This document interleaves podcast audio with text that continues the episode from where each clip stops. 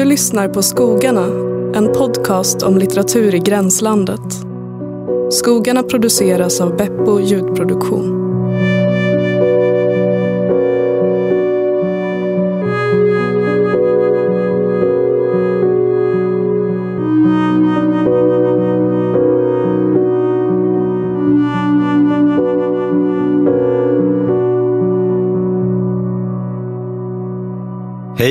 Och välkomna till ett nytt avsnitt av Skogarna.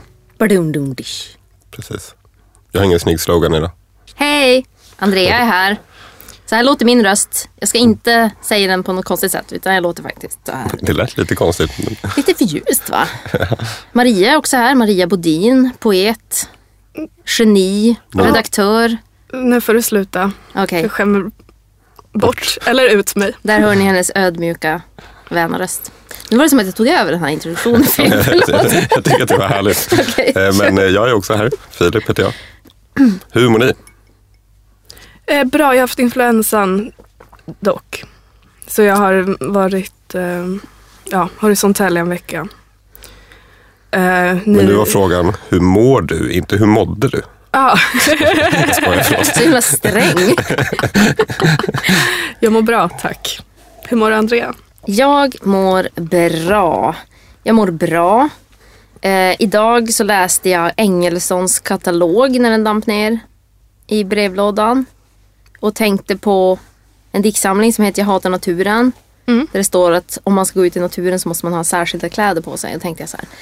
Ja, det vill jag ha. Jag vill ha särskilda kläder. För Engelsons är så här, äh, de, jag vet inte varför de skickar den till mig. Eh, de kanske vet att jag är De ser ekopoet. på dig. Man köper så här typ Helly Hansen och du vet så här byxor som är så här vattentäta och sånt. Så. Va- va- va- Vad var kopplingen till Jag hatar naturen? Ja men därför att i den så skriver Är det Anna Axfors? Ja det är Anna Axfors. Då skriver hon så här typ att hon hatar naturen. Den är väldigt rolig typ. Eh, att man måste ha så här särskilda kläder för att gå i naturen. Och det är verkligen så om man går typ ett naturreservat i Stockholm. Så har typ varenda käft har på sig så här typ en super tight outfit. Alltså man ser att det är en Mm. outfit. Och deras barn är så här exakta kopior typ. Och så vill jag bli. Du vill ha en super tight outfit. Nej men jag vill bara bli ett med naturen. Vad mysigt. Hur, hur är det med dig Filip? Jo men eh, jag mår också rätt bra. Eh, eh, Jag var, som vi pratade om förut, i Berlin i helgen. Och har varit väldigt trött i veckan efter det. Mm. Men, Efter ditt eh, skör, din skörlevnad. Precis. Eh, Men eh, har lyckats vila ut mig.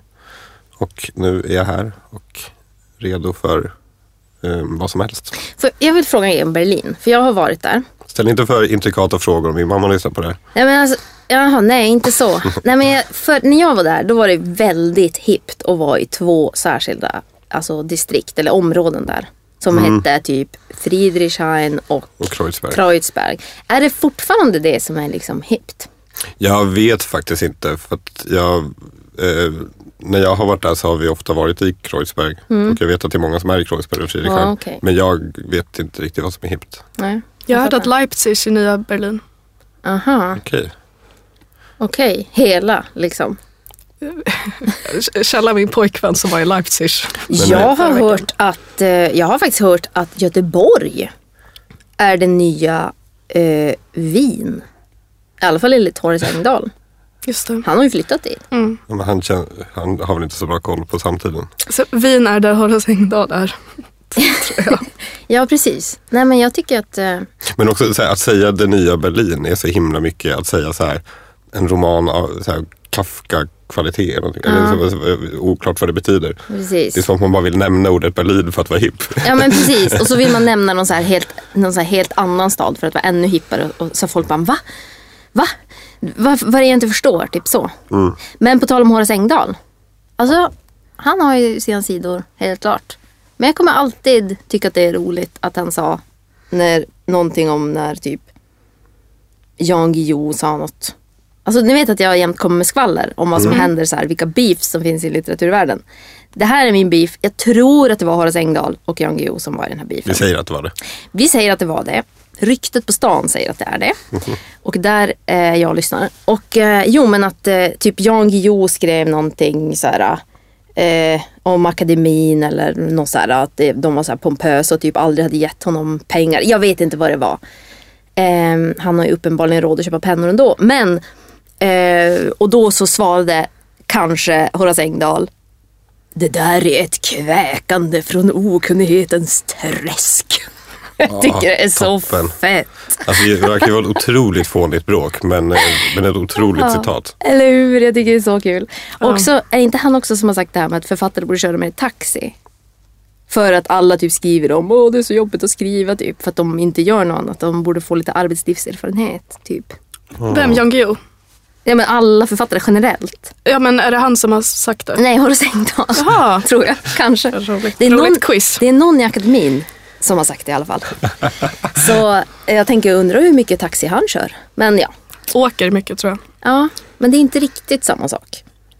Det beror på eh, om man är en lyssnare eller en pratare. Ja, det är sant. Okej, Filip, förlåt. Eh, nej men det är ingen fara. Jag hade uppenbarligen stort syrebehov idag. Ja, men eh, precis.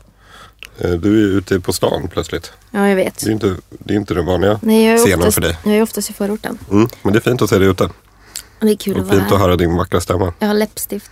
Mm, det är toppen också. Mm. Ehm, idag, i dagens avsnitt av Skogarna, ska vi prata på tema öar. Ja, Ska ni ge en liten hisspitch? Eller, Ja, ja. Vad, vad, vad, vad ska ni prata om? Jag ska prata om... Eh, alltså det här, det här jag ska prata om...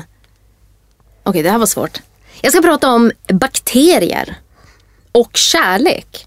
Och religion. Och eh, metaforer. Det kommer inte vara så där långt som det låter. Det kommer vara jättetajt. Jag har ett jättetydligt manus Jag idag. tycker det låter toppen. Ja. Och, och det kommer knytas på något sätt till öar. Det får vi se sen. Ja. Ja, och jag ska prata om... Eh, det finns liksom en antitrans eh, retorisk vits som handlar om öar. Och jag ska prata utifrån den då. Det är mi- min den pyttelilla segwayn som jag kör på. För att komma från tema öar till eh, att prata om eh, liksom barn som ideologiskt redskap och eh, heterosexualitet och sånt. Spännande.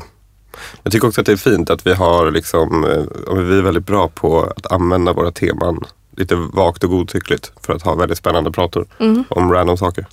Det är toppen tycker jag. Eh, Man ska inte vara så strikt. Tack. eh, jag menade det faktiskt, även om det lät ganska ironiskt. lät så sträng. Men... ja. Ovanligt sträng idag. Eh, Om jag lät sådär kyligt ironiskt som du kan vara Maria ibland. Åh, Jag är ledsen om Och jag, jag vet aldrig om hon skämtar eller inte. Nej, det är jobbigt för dig.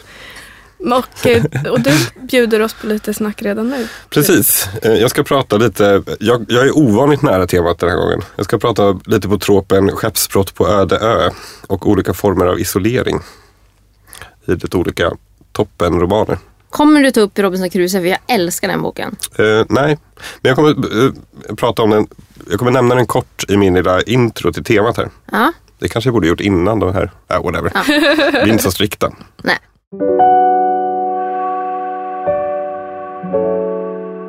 Ja men öar då. Va- Varför väljer man öar som tema? Lite var det för att vi bara pratade om det och det stod mellan öar och tema Österrike.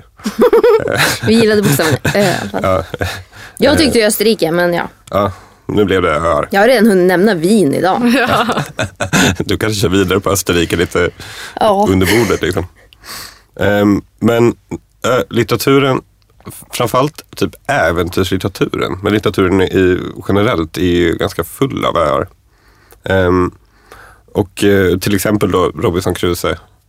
Eh, och d- där huvudpersonen då blir strandsatt på en ö och använder sitt förnuft för att överleva någonting. Och sin kolonialism. Ja, precis.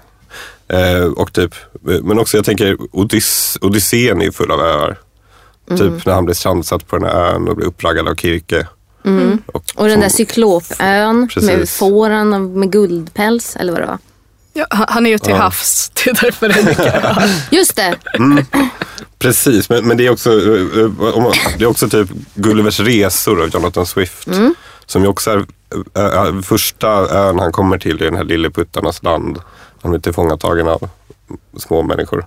Mm. Också, Och sen är det också det där-. Och sen är det de där underliga hästmänniskorna. Som bara pratar i konsonanter typ. Eller Just hur det det. var. Just det. Mycket undersnackad del av Gullivers resor. Är det också på en ö? Jag vet inte. Ett annat land i alla fall. Men, men, men eh, här finns det ju liksom, eh, ja det, det, definitivt kolonialism men, men, eh, och han var ute till havs men öarna blir liksom en ingång till någonting annat. Eh, till en form av sagovärld.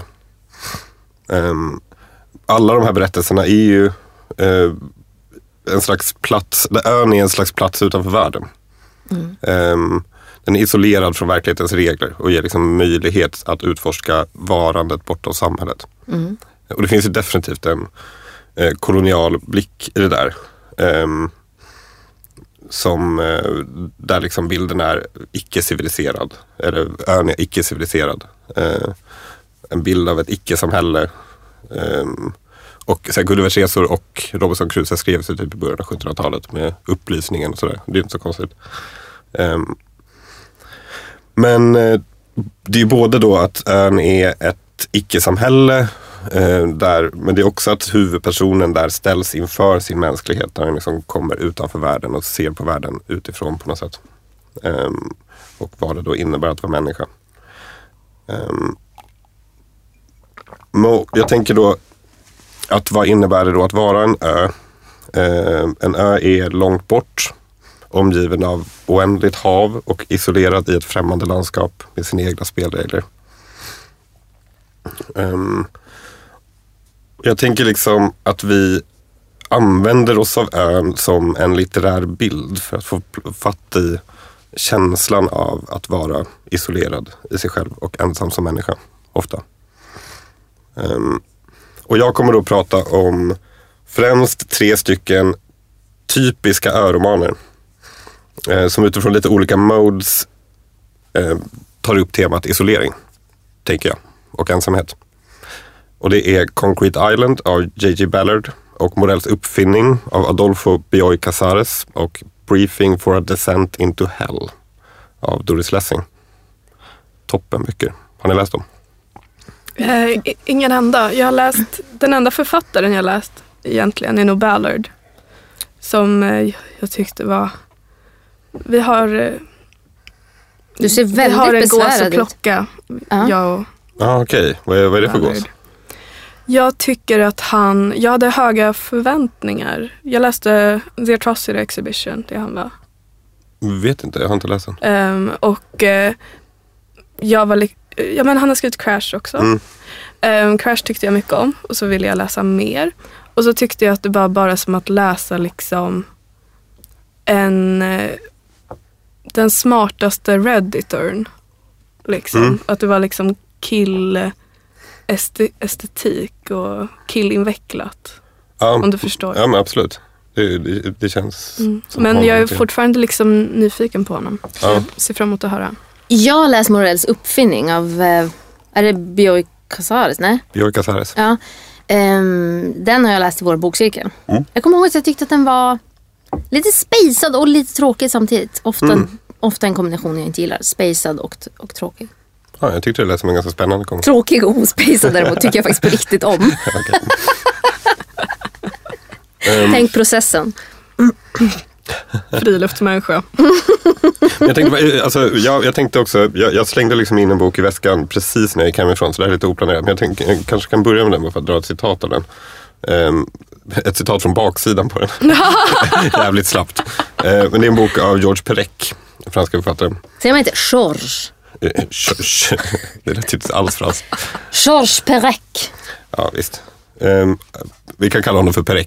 Okej. Eh, eh, en bok av honom som heter Ellis Island. Och den är gjord liksom av, jag tror att han och någon annan dude säkert, jo, filmaren Robert Bober gjorde en film om Ellis Island. Ellis Island är en ö utanför USA någonstans. I don't know. Utanför New York Utanför New tror York. jag. Ehm, för den användes som, alltså när de liksom stängde gränserna i USA lite grann i slutet av 1800-talet. Innan kunde man liksom komma dit lite hur som helst tror jag. eh, när de stängde gränserna där så var Ellis Island den plats, som var, det var liksom slussplatsen för immigranter.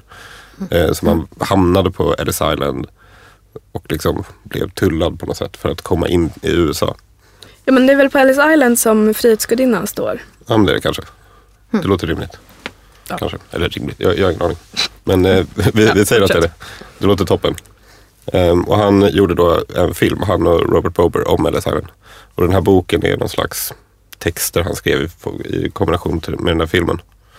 Ehm, och han säger som ett citat i boken eh, så här. Ellis Island är för mig själva platsen för exilen. Det vill säga platsen för frånvaron av platser. Icke platsen, ingenstans. Och jag tänker att det kan sätta ton lite för vad jag ska snacka om sen. Mycket vackert. Ehm, att kan- vi kan byta ut Ellis Island, vi kan ta bort Ellis bara. Island är själva platsen för exilen, det vill säga platsen för, för frånvaron av platser, icke-platsen, ingenstans. Eh, att det är också en beskrivning av ön i litteratur, tänker jag. Ehm, och om man då kollar på Ballard först. Eh, Ballard är en brittisk författare. jag tycker att han är så här, ja, men, han är ganska killig i sin stil. Så här smart kille, s- estetik. Hur gammal är han? Eh. Är han död? Jag vet inte, han är född 1940 Okej. enligt mina anteckningar. Eh, vet inte om han är död eller när han Så dog. 84. Jättebra Andreas. Tyst!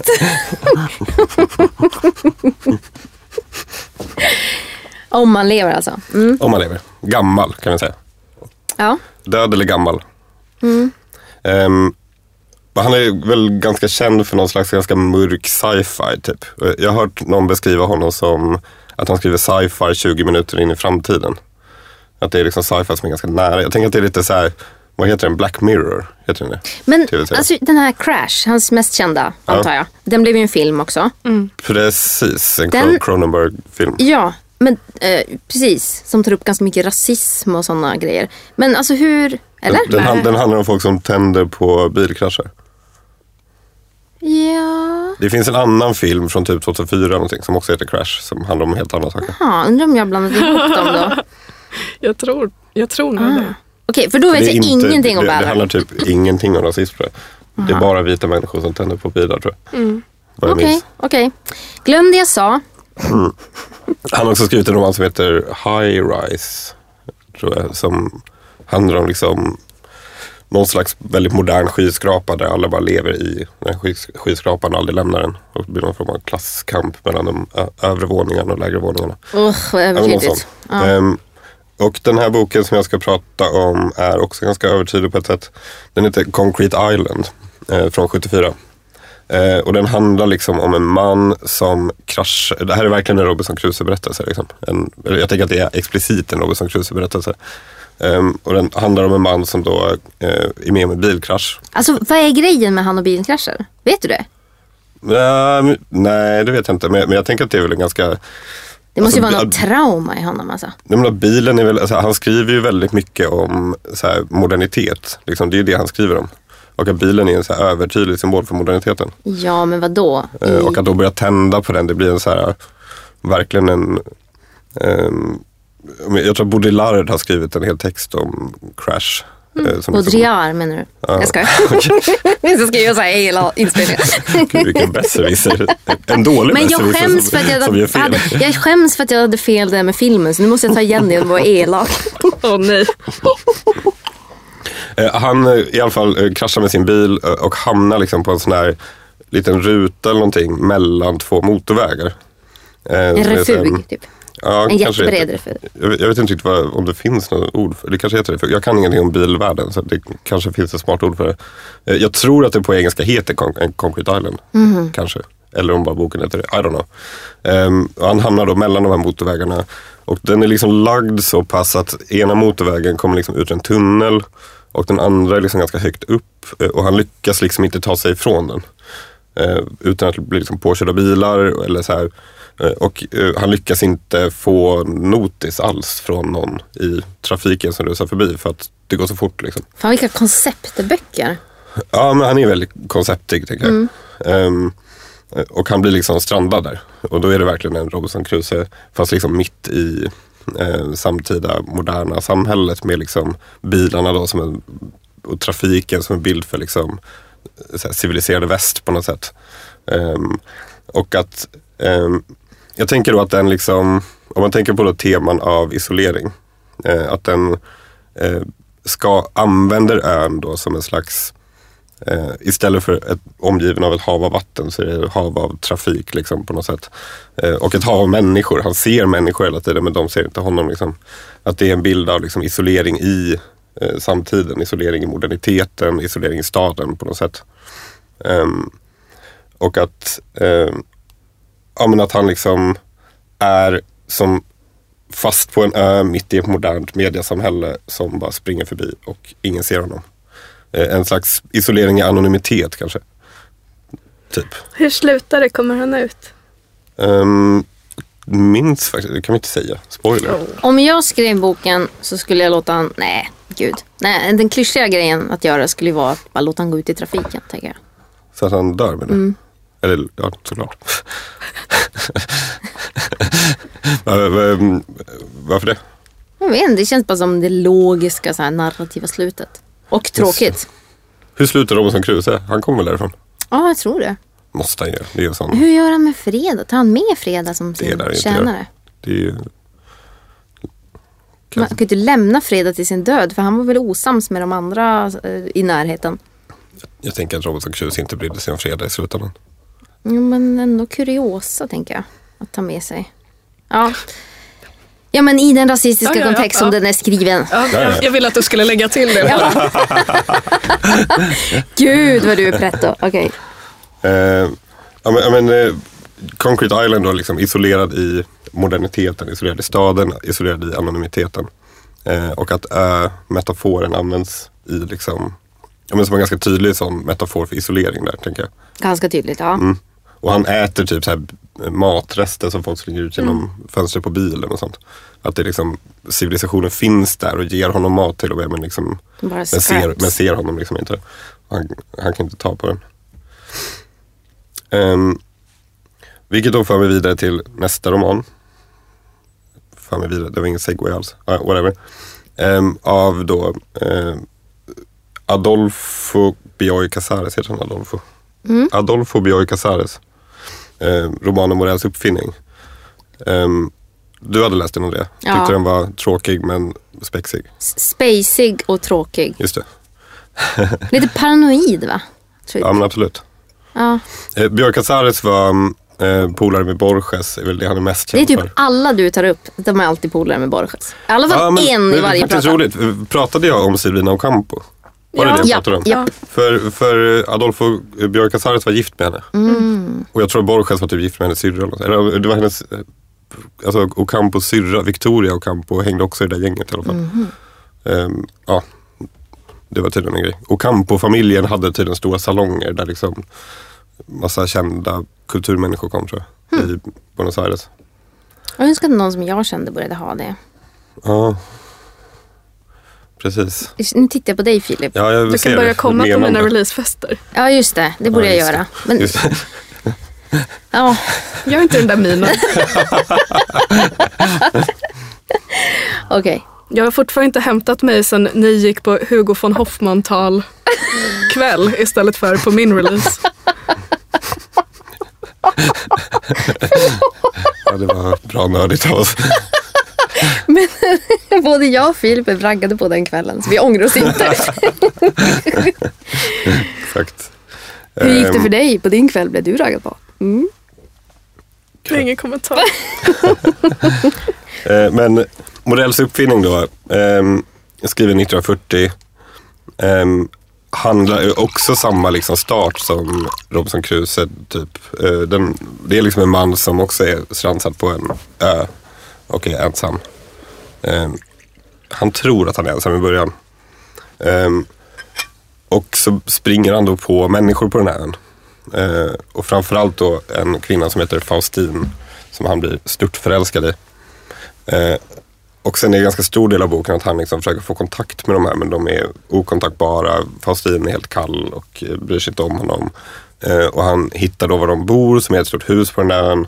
Um, och sen bla bla bla, jada jada. Så kommer han då fram till till slut att de här människorna är bara en slags eh, inspelning. Eh, eller någon form av holograminspelning. Så de är liksom sedan länge döda.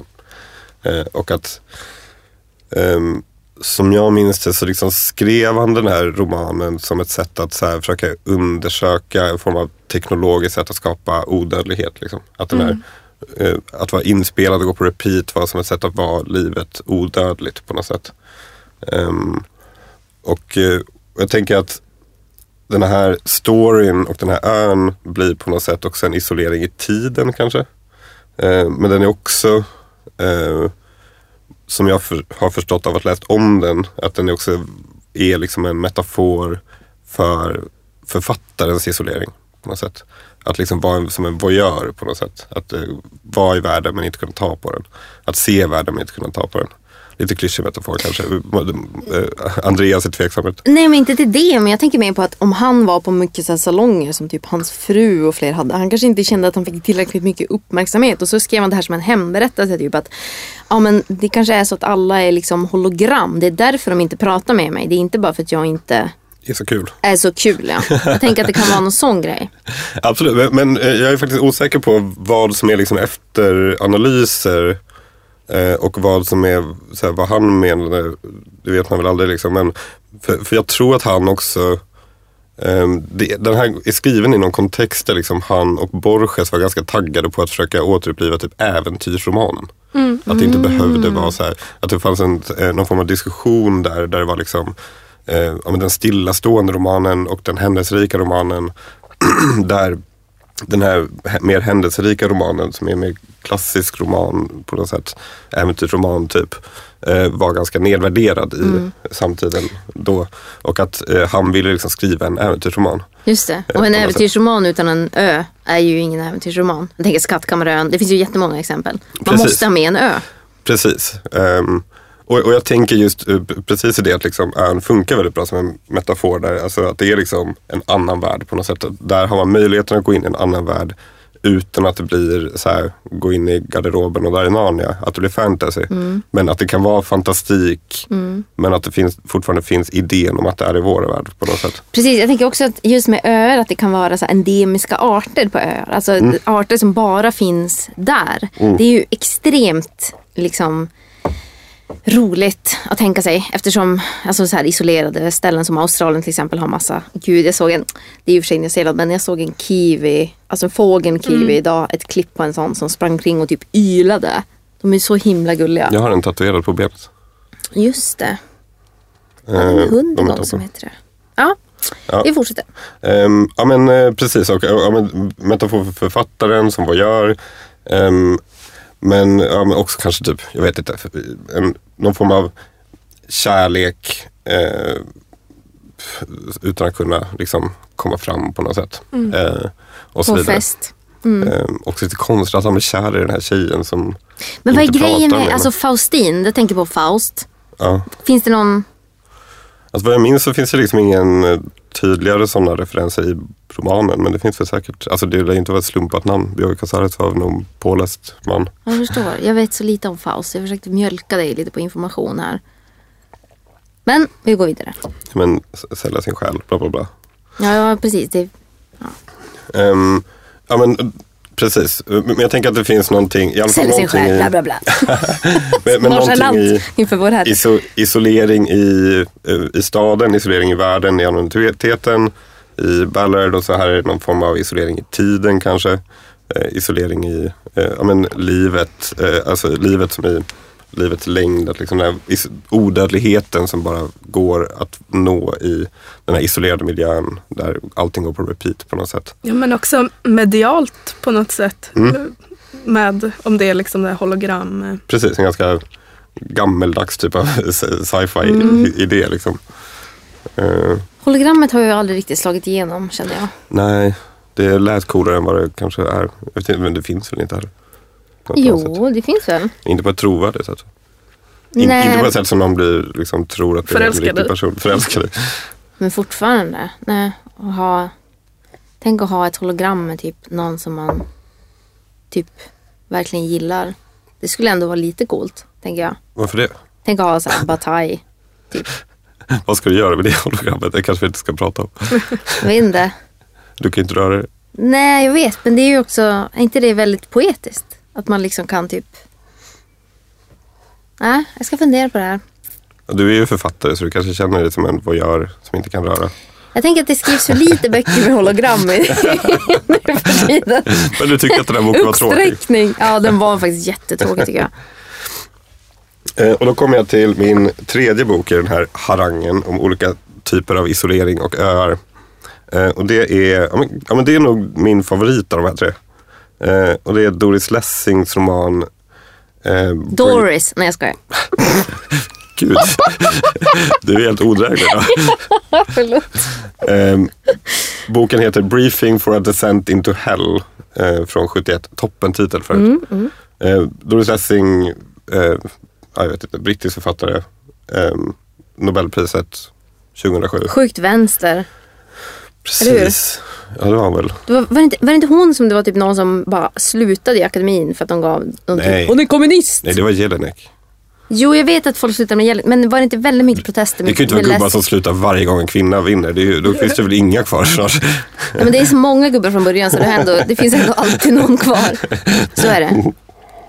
Men hon kom inte till Stockholm tror jag för att hon, var, hon är ju, var ju väldigt gammal när hon fick det. Hon var, jag tror att hon är den eh, Nobelpristagaren som har fått priset som äldst. Ja. Eller något sånt där. Flest gånger trodde du skulle säga. så kaxigt det var. Du får för den här boken också. Den, den kvinnan som har fått det flest gånger. ja.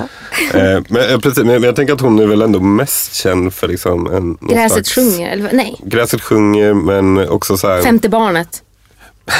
Den har jag läst. Ja, den är jag Ja, med. men, men jag tänker att hon Den är bra. Ehm, ja, men att det är någon slags ganska psykologiska eh, romaner. Ofta utifrån så kvinnliga erfarenheter på olika sätt. Femte barnet är jättefin och jättejobbig. Mm. Eh, minns jag det som. Huva. Eh, handlar väl om typ ett, att ett, barn som inte går att älska. Eller Mm, ja, precis. Ehm, Min mamma har berättat någon gång att hon hade någon kollega som skulle ge den till en kompis som hade fått sitt femte barn utan att veta vad det var för barn. Eh, och så hade hittat den på loppis och bara vilken perfekt present till den här kompisen. Och att eh, min, min mamma hade sett det och varit så här, för i helvete ge den inte till henne. Är du galen? Åh, det, här, det, här, det här generationen, det här är samma grej som en, en, eh, en annan kompis mamma som eh, fick höra att hennes kompis hade en hund som hade dött, jättesorgligt, och skrev LOL som svar. Alltså hon var, hon var britt den här mamman. För hon trodde att det betydde lots of love, men det betyder ju Skratt typ. Skratta högt. skratta, ha, ja, la, laughing out loud liksom. Och det tyckte jag var ganska kul. LOL. Det är lite samma genre. Boomers. Ja, precis. Precis. Eh, men den här, hon har också skrivit liksom, jag har inte läst dem, men hon har skrivit liksom en serie, någon serie sci-fi böcker också. Som är mindre kända av henne. Vilket är intressant för Nobelpristagare. Eh, och den här boken då, eh, är, jag tror, har hört av någon att den är i en obskyr så subgenre till sci-fi som heter inner sci-fi. Eh, som liksom, om sci-fi är upp, ut i rymden så är inner sci-fi in i huvudet. Liksom. Eh, Eh, jag, jag, jag kommer till det. ja. Eh, eh, ja, men den här briefing for, a, briefing for a descent into hell. hur skulle du översätta den titeln förresten? För det sitter jag nu och fnular på. Ehm, Vad betyder det? alltså briefing är väl typ alltså en rapport. Typ. En rapport för Okej, en nedstigning. resa ner i helvetet. Ja, okej, cool. Nedstigning i helvetet kanske. Um, och den är typ också en slags äventyrsroman och spelar lite på samma troper. Eh, men den börjar liksom med en man som, eh, som är professor eller någonting. Eh, som hittas runt irrande i stan. Liksom. Eh, och eh, makes no sense. Så han blir intagen på mentalsjukhus. Eh, och korta, korta passager i boken är läkarnas interaktioner med honom där de försöker hitta medicin eller försöka hitta vad som är fel på honom. Liksom, och se när han irrar runt i sitt rum och bara snack, snackar nonsens. Typ. Eh, men resten av boken, som är den allra, allra största delen, är liksom en resa i eh, hans psykos eller någonting. Um, Är det det som gör att det är sci-fi? Eh, det är inte jag som har kallat den sci-fi, det är någon annan som har kallat Ah, den okej. sci-fi. Men, men, men det är väl det som är tanken med den här inre sci-fi, att det är någon form av sci-fi idé fast liksom inuti huvudet och inte ute i rymden. Ehm, ja, vi, men eh, vi behöver inte hålla med om det. Men, ehm, och i då den här resan i huvudet så är det, det börjar med att han liksom åker runt på ett skepp ute på havet i någon form av klassisk äventyrssetting. Eh, Men det blir också väldigt trippy, typ att det kommer något jättestort ljus som skeppet åker in i och liksom alla hans polare på skeppet försvinner så han är precis ensam på skeppet. Eh, och han blir ledsen för att han inte blev medtagen och eh, ledsen för att hans kompisar försvann. Och så liksom kraschar skeppet och han reser runt på en flotte i typ flera månader eller någonting. Eh, på havet och sen kommer han då till en ö. Och på den här ön är det verkligen lite så här Ja men där finns liksom arter som inte finns någon annanstans. Endemiska Ehm, arter. Endemiska arter. Men, men i det här fallet också tänker jag liksom eh, arter som inte finns i verkligheten. Liksom. Eh, att det är en ö bortom världen på något sätt. Eh, och eh, när han klättrar upp på något berg, eller på någon bergsplatå där så hittar han en liten by med någon form av så här råttmänniskor typ som lever där och är något så här halv, ja, supermärkligt. Eh, i någon form av ö-civilisation på något sätt. Och att det är något bråk mellan dem och några andra. Och det är så här, händer svinmycket jättekonstiga saker. Liksom.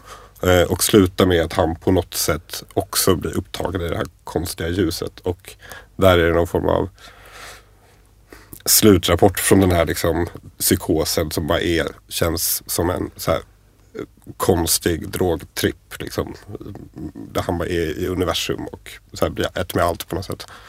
Ehm, Det låter asbra. Tycker du, om- men tycker du om den här boken? jag tyckte jättemycket om den. Den är skitkonstig. Och, eh, och det är så här förvånande att det är hon på något sätt. Eh, Men jag, men jag liksom läste, när jag bara snabbt läste på Wikipedia, hörde att hon är väldigt inspirerad av typ sufism och eh, så här, islams mystik och sånt. Hon är född i Iran tror jag. Just det. vilket det här är Det inte känner jag ju så. vagt igen. Tror jag. Sen är väl inte den här konstiga tri, trippiga boken så klassiskt iransk kanske. Men Det låter Ehm, jättekul. Hur, jätte- hur hittade du den där boken? Den här fick jag av min pappas eh, för detta tjej. Hon dog häromåret. Men, eh, eh, för jättelänge sedan. Eh, och så har den stått i min, stod den i min bokhylla väldigt länge. Och sen för ett par år sedan när jag målade om hemma och alla mina böcker stod i högar lite här och var. Så bara hittade jag den och läste den och bara, fuck vad bra det var. Gud vad fint. Ja. Eh, precis, och, och här då tänker jag eh, att ön också används. Men där finns det då en idé om ön som isolerad i sig själv, isolerad i sitt psyke. Eh, för att han är ju verkligen isolerad i sig själv på ett sätt som att han är inte alls i världen. Eh, när han är i världen, vilket är de här korta rapporterna från läkarna, så är han ju eh, nonsens bara. Då är han ju galen. Men, men i den här äventyret i huvudet eh, så är han ju inte det. Där är han ju Robinson Crusoe liksom, på en ö som ingen annan har hittat. Eh, och eh, liksom utforskar och är i äventyret på något sätt. Eh, men han är isolerad från omvärlden fullständigt. Liksom.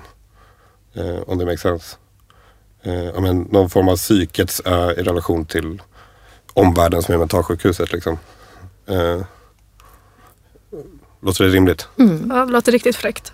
Eh, och jag tänker också att alla de här romanerna eh, använder sig också av skeppsbrottet som liksom en trop. Eh, Att skeppsbrottet blir på något sätt brytpunkten, inte riktigt i Lessing i och för sig, men, men brytpunkten där man liksom kopplas bort från världen. Eh, Det är bilkraschen eller Det är skeppsbrottet. också ett underbart ord, skeppsbrott alltså. Verkligen, Tycker jag.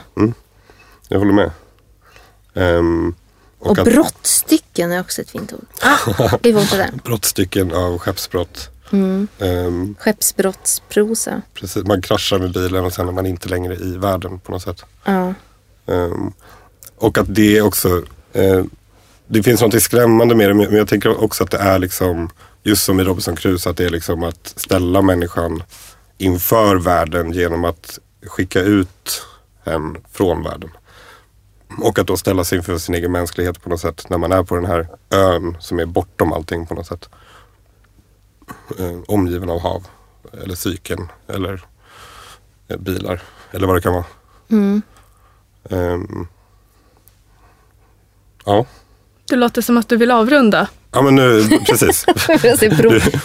Du är mina anteckningar klara. Bra jobbat. Men, eh, ja, Jag hade kunnat lyssna på dig berätta om fem öromaner till. Ja, det var jag härligt. ser om jag kommer på något spontant. Men jag tror inte det. Men jag har en fråga Ja. till alla. Just de öar som jag kom på att tänka på nu när du pratade så liksom, konkret om öar.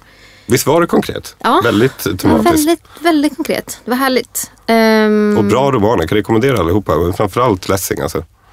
Ja. Den vill jag läsa, absolut.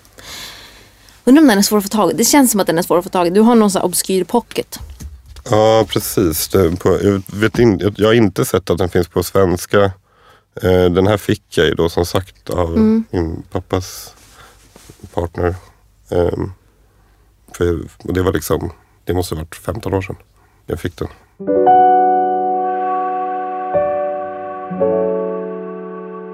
Det jag tänkte fråga er var så här. Vad har ni för favoritö? Har ni varit på någon ö någon gång när ni verkligen har känt det här, ett ställe jag gillar?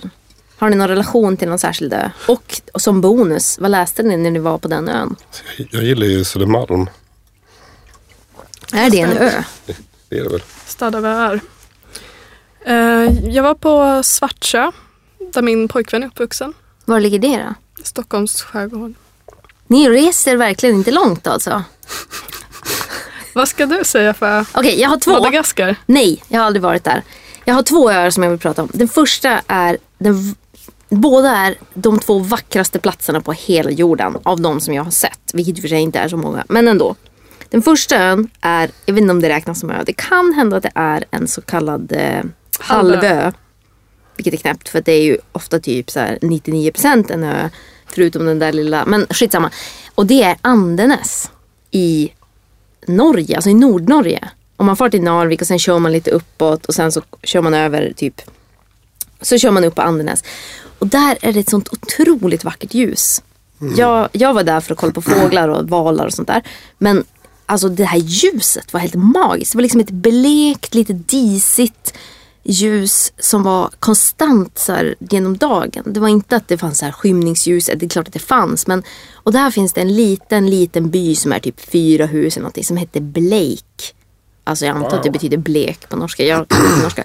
Ja, inte som William Blake. Nej, inte som William Blake.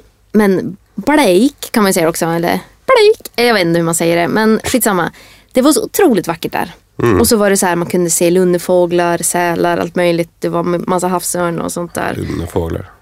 Coolt. Ja, precis. Så Ja, det... jag, jag, jag har ju varit på Färöarna också. Ja, Aha, Det var ju helt fantastiskt. Jag gick en Okej. jättekonstig eh, intensivkurs i nordatlantisk litteratur eh, på Färöarna. Varför tar du inte upp den här kunskapen oftare? Eh, vet inte. Vad lärde du dig? Eh, jag minns inte. Eh, men det, var- det, var, det är en helt otrolig plats. För det är ju verkligen, Färöarna är ju ett gäng öar mitt ute i havet bara. Ja, det är ju jag verkligen som de här romanerna på något sätt.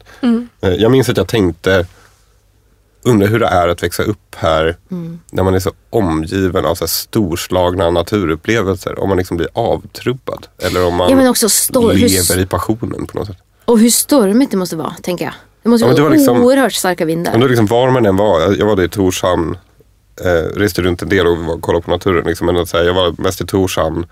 Och att var man än var så bara kollar man mellan två hus och så ser man en storslagen naturupplevelse. Ja. Med så vindpiskade berg i häftiga formationer. Eh, det var helt sjukt. Fan vad coolt, jag vill också få dit. Okej, men jag har faktiskt en till grej att säga. Och det var min andra bästa ö. Som är den också, alltså två, topp top två. Jag kan inte ens säga vilken som är bättre. Men vackraste platserna på jorden. Som jag har upplevt. Och det andra är Costa del Sol. Nej, Isla del Sol. Förlåt.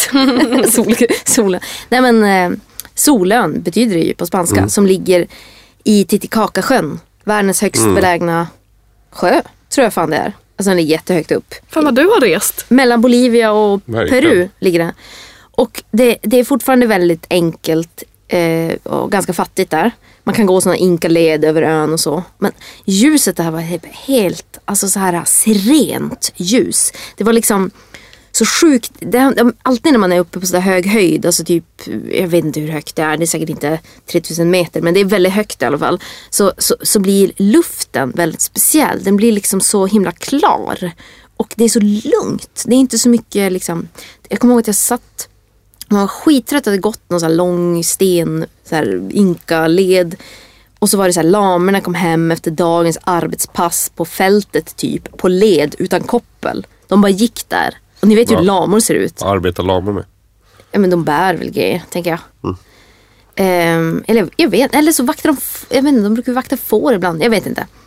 Eh, de kom hem, det var så en kolibri som typ stack in sin lilla näbb i någon så här sjukt vacker tropisk blomma. Jag har liksom. en kolibri tatuerad också. Du vet, du har mycket fåglar på kroppen men inte i huvudet. Ehm, Det är sant faktiskt. och så liksom typ drack någon så här klassisk sydamerikansk eh, öl. Och satt där och var helt död. Och det var så otroligt vackert. Alltså det var så fruktansvärt vackert. Det är någonting med öar och ljus alltså. Ja, eh, nej men jag Kände tror... du dig nej, isolerad från världen? Men jag tänker Andenäs var det ju så, det är ju så långt norrut. Alltså det är ju, ju längre norrut man kommer desto häftigare luft blir det ju på något sätt. Och, och, och det där var ju sån hö, på, på så hög höjd va. Så jag vet inte om det har med det att göra. Men båda platserna, väl, helt kom, fullständigt olika ljus. Men båda var så här fruktansvärt vackert. Jag kommer inte ihåg vad jag läste tyvärr. Jag kommer ihåg att det var mycket klubbor. Och i Sydamerika är alla klubbor man köper så är det tuggummi i mitten av klubban. Ja, Godisklubbor. Ja, Ja, köttklubbor, eller? Nej, men jag vet inte, det kom från ingenstans. Ja, det, det gjorde det faktiskt. Det gjorde det Det faktiskt. var säkert många lyssnare som undrade över det. Så att det är bra att du förtydligar det Filip. Eller sådana klubbar man liksom slåss med kanske. Okej, men det här... ehm, ja, du, hade, du kommer inte ge mig något bättre än Södermalm eller? Favorit jag hade ju Färöarna för guds skull. Ja just det, du hade Färöarna. Och Det du, du hade Svartö. Svartsjö. Svartsjö. Svartsö. Svartsö. Fo- Okej, Fogas. fan vad positivt. Okej. Filip. Fint, det finns många fina öar. Eh, jag, jag gillar holmar. Mm, men säger man så i Stockholm? Holmar? Jo, Ja, Man gör det, okej. Kungsholmen. Just det! Snyggt. Men är det en holme? Det frågar jag dig. Det är ju inte det. En holme Skeppsholmen. det är ju Ho- Skeppsholmen mer. Alltså det ska ju vara litet för att vara en holme, tänker jag. Mm. Så man kan döpa den till Storholmen. Om den Ja. är liksom... Ja. Vi lämnar det. Eh, ingen människa är en ö. Citat. Vem har sagt det? En sån brittisk romantiker. Men Don, Don. Ingen romantiker. Absolut ingen romantiker. Aj då. Eller alltså han kanske var romantiker men han tillhör inte den ro- romantiska eran. John Donne säger Filip och det stämmer Jag sa absolut. inte John Don, jag sa bara Don för jag kommer inte på vad han hette i förnamn. Don Draper. Don Draper. Eh, John Donne, han var ju barockpoet Mm. kan man säga. Han har ett väldigt bra namn. Lite snuskigt namn tycker jag. John Det, Donne. det, är, Alltså, väl, det, det är väl bra. John Donne det är också ett rim, rimmat namn. Jag gillar rimmade namn. Ja. Eh, ja. Han, han föddes eh, 1572 och dog 1631. Det här är bara lite tråkig kuriosa. Men jag tycker att det, jag blir alltid irriterad om jag inte får veta när en författare levde när jag hör. Ja, jag, jag tackar. Ja. Ja. Jag, jag sa inte det om någon av mina författare. Ja, men jag frågade dig om någon. Ja, precis. 84, ja, 80, ja. Skitsamma. Eh, ha- han var ju han var poet, men han var också präst. Kanske mest känd som präst för att han skrev sådana predik, predikningar som var, blev väldigt berömda. Han trodde på änglar. Det var så jag först lärde känna honom. Men- Enokiansk magi. Vad heter det? Enokiansk magi. Kan du berätta mer? Det är det som är kommunikation med änglar. Mm. Enokiansk. Nej, jag tänker på John Dee, förlåt. Okej, det är inte någon cool förkortning av John Donne. John Dee. Nej, John Dee var typ hovastrolog. Ja, okej. Ja. Ja, okej. eh, Jag ska googla sen. Men i alla fall, eh, det, det var så först jag kom, kom i kontakt med honom för att jag läste något nummer av den här fantastiska tidskriften som heter Subaltern. Som framförallt förut var otroligt bra. Den var så himla otroligt kryptisk och esoterisk och underlig. Och de kunde ha teman som till exempel då änglar och så är det alltid väldigt så här, typ teoretiska och eh, skumma texter. Fantastiskt. Det låter fantastiskt. Ja, den är toppen. Sen så blev den mycket mer politisk och det kan ju vara kul men jag tyckte att det var tråkigt. I alla fall. Han, han skriver väldigt fint om änglar, liksom, hur de är, att de är eviga och som, de, det är så här Rilke ängel-style han tror på. Liksom. Eh, men han är mest berömd som sagt då, för det här citatet, ingen människa är en ö, no man is an island. Eh, och det är det som är min koppling till eh, temat idag. Att ingen människa är en ö. He- hela min gick ut på att människor är öar i romaner. Exakt. Exakt. Och nu ska du få höra varför. Eh, men först ska jag berätta, jag ska läsa liksom lite längre ur det stycket så att man kan få sig en uppfattning om vad han kan ha menat då. Jag tänker inte läsa det på engelska. Jag tänker läsa det på Wikipedia-översättningen av originalet. Jag försökte ta reda på var, vem det är som har gjort översättningen eftersom du är så, Maria är så föredömligt eh, duktig på att alltid säga översättare och så, vilket är jättebra. Eh, men fan, jag hittade det inte. Alltså, vem som har översatt det. Ehm, så no, någon har översatt det. Det kanske bara är internet. Ja men det var liksom för bra för att bara vara en sån här Google Translate. Så jag tror inte det. Men ja, så här går det i alla fall. Då. Det här är inte en dikt som jag trodde från början utan en del av en, en predikan. Då. Ingen människa är en ö, hel och fullständig i sig själv. Varje människa är ett stycke av fastlandet, en del av det hela. Om en jordklump sköljs bort av havet blir Europa i samma mån mindre. Liksom en udde i havet också skulle bli, liksom dina eller dina vänners ägor. Varje människas död förminskar mig, ty jag är en del av mänskligheten. Sänd därför aldrig bud för att få veta för vem klockan klämtar. Den klämtar för dig. Eh, Hemingway tog ju Just det. eh, the, for, For fan- whom the bell tolls. Ja, precis. Den titeln från Vad roligt att de så, att det hade, har samma källa. Ja, Ja. precis. Ehm, väldigt fint. Det var, det var ganska given, tänker jag, tolkning. Eller hur skulle ni tolka det här? Vad menar han med ingen människa ö? Förhör. Läsförståelse. Det här är en trepoängsfråga. han, det, är, ju- det är lustigt att han säger Europa. Alltså att han särskiljer liksom att Europa ändå då är en ö mot en, liksom, vad ska man säga, alla vildarna utanför Europa. Ehm, men ändå finns det någon fin tanke där tycker jag om att vi är beroende av varandra också där. Absolut. Att vi inte är fullständiga Ja, eh, hela utan att det finns liksom, ja, att vi är en grupp på något sätt. precis. Så jag tycker att det här är tänkvärt. Det är lite rimligt. Ja, det, det är lite rimligt. Men sen så fanns det en, en väldigt rolig läsning av eh, det här citatet. Eh, för att jag läste en bok som heter Lovebug. Jag läste den faktiskt på engelska. Eh, av Daisy La, Lafarge. Lafarge. Hon är från Glasgow, eller hon bor i Glasgow. Hon föddes i Hastings, men britt i alla fall. Hon är född 92. Det är många britter idag. Ja, det är det fan. Både, det är lite, både det är Ballard och Lessing är lite ovanligt va? Um, det brukar vara mest ryssar. och Det kan- sydamerikaner. Det kanske, det kanske kommer senare. Ja, Ja, eh, i alla fall. Jag läste den här boken. Det var alltså jag läser ju sällan på engelska. Och det här var för att jag gick in i en nyöppnad bokhandel på Sankt Paulsgatan som heter Nordbooks. Eh, jättefin bokhandel. Kan rekommendera den till alla. Jag har inte fått betalt för att säga det här. Utan det är för min genuina kärlek till böcker. Och jag vill att ni ska hitta dit, ni som gillar böcker. Eh, men alltid på engelska alltså. Och då bad jag innehavaren, som jag inte vet vad han heter, eh, att rekommendera mig en bok. Och han rekommenderade den här. Eh, Det är en essäbok kan man säga, en lång essä. Hon är poet och författare. Hon, har skrivit, hon verkar vara en sån multi-genre person. Daisy.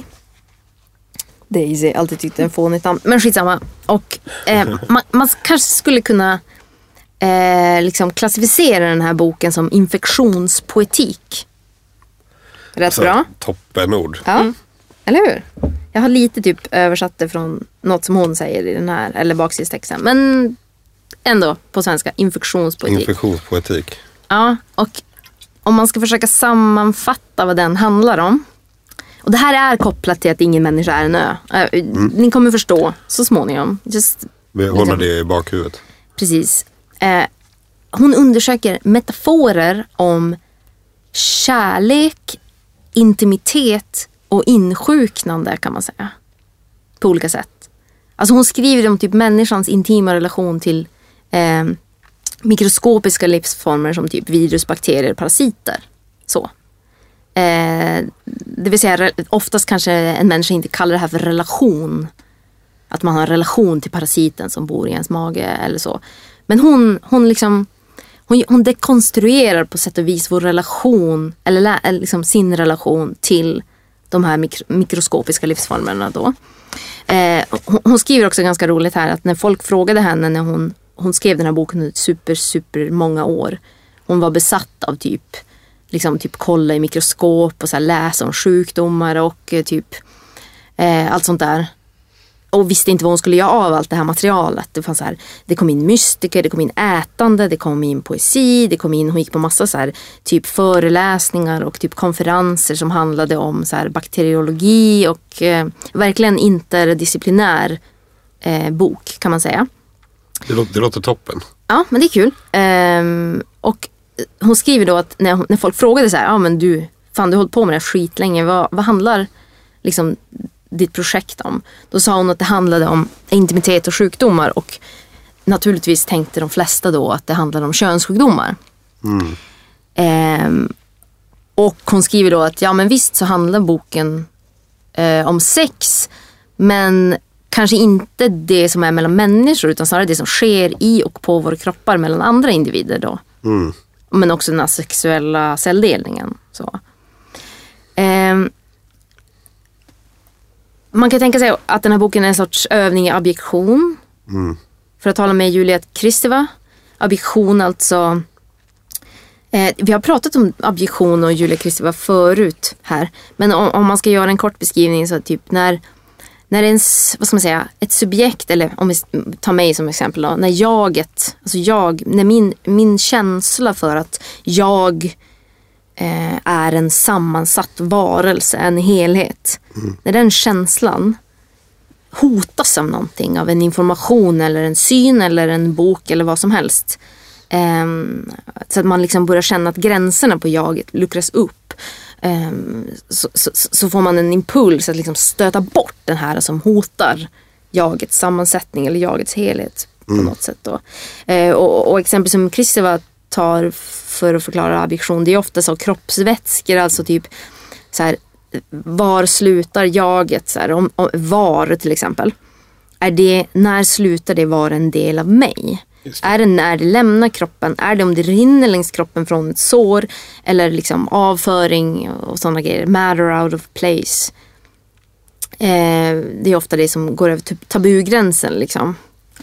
Um, för att prata med Mary Douglas, men skitsamma. Men i alla fall, jag tycker att det där är ganska intressant. Och det här egentligen är bra om man lyssnar på Bataille-avsnittet innan man lyssnar på det här. För han pratar ju mycket om så gränsupplevelser och så. Och den här boken handlar också väldigt mycket om eh, gränsupplevelser. Men, men just i den här bemärkelsen då. Ingen människa är en ö. Var går våra gränser egentligen? En parasit som är i din kropp, är den en del, är den en del av jaget eller inte? Bataille-avsnittet är för övrigt Fotnektar. F- Fotnektar, vårt minst lyssnade avsnitt. Men också faktiskt det jag tycker är bäst. Jag tycker det är toppenavsnitt också. Det är kul att du alltid har så bra koll på statistiken Filip. Vad gör du på nätterna egentligen? Sitter och stirrar på den här appen. Ja, nu var det en lyssnare till. Hur ska vi nå 85 plus? Lyssnarantal eller åldersgrupp? Eh, nej men åldersgruppen, åldersgruppen tänkte jag på. Ja, eh, ja men till exempel en annan då, en sån objektgrej är ju springmask till exempel som är väldigt vanligt. Alltså det, det, det är ju vanligt på det sättet att på, så fort man har barn på en skola eller förskola så sitter det i, säkert någon gång varje termin en lapp så här. Springmask går typ, håll koll på era ungar och ja det som kryper ut är deras ändtarmsöppningar. Springmask går är en väldigt rolig mening. Ja men det är ju typ, okej de Det finns- Det kravlar. finns på något sätt flera, flera ordvitsar i den här meningen. Ja, ja exakt. Så, den är extra långsam idag, den bara går.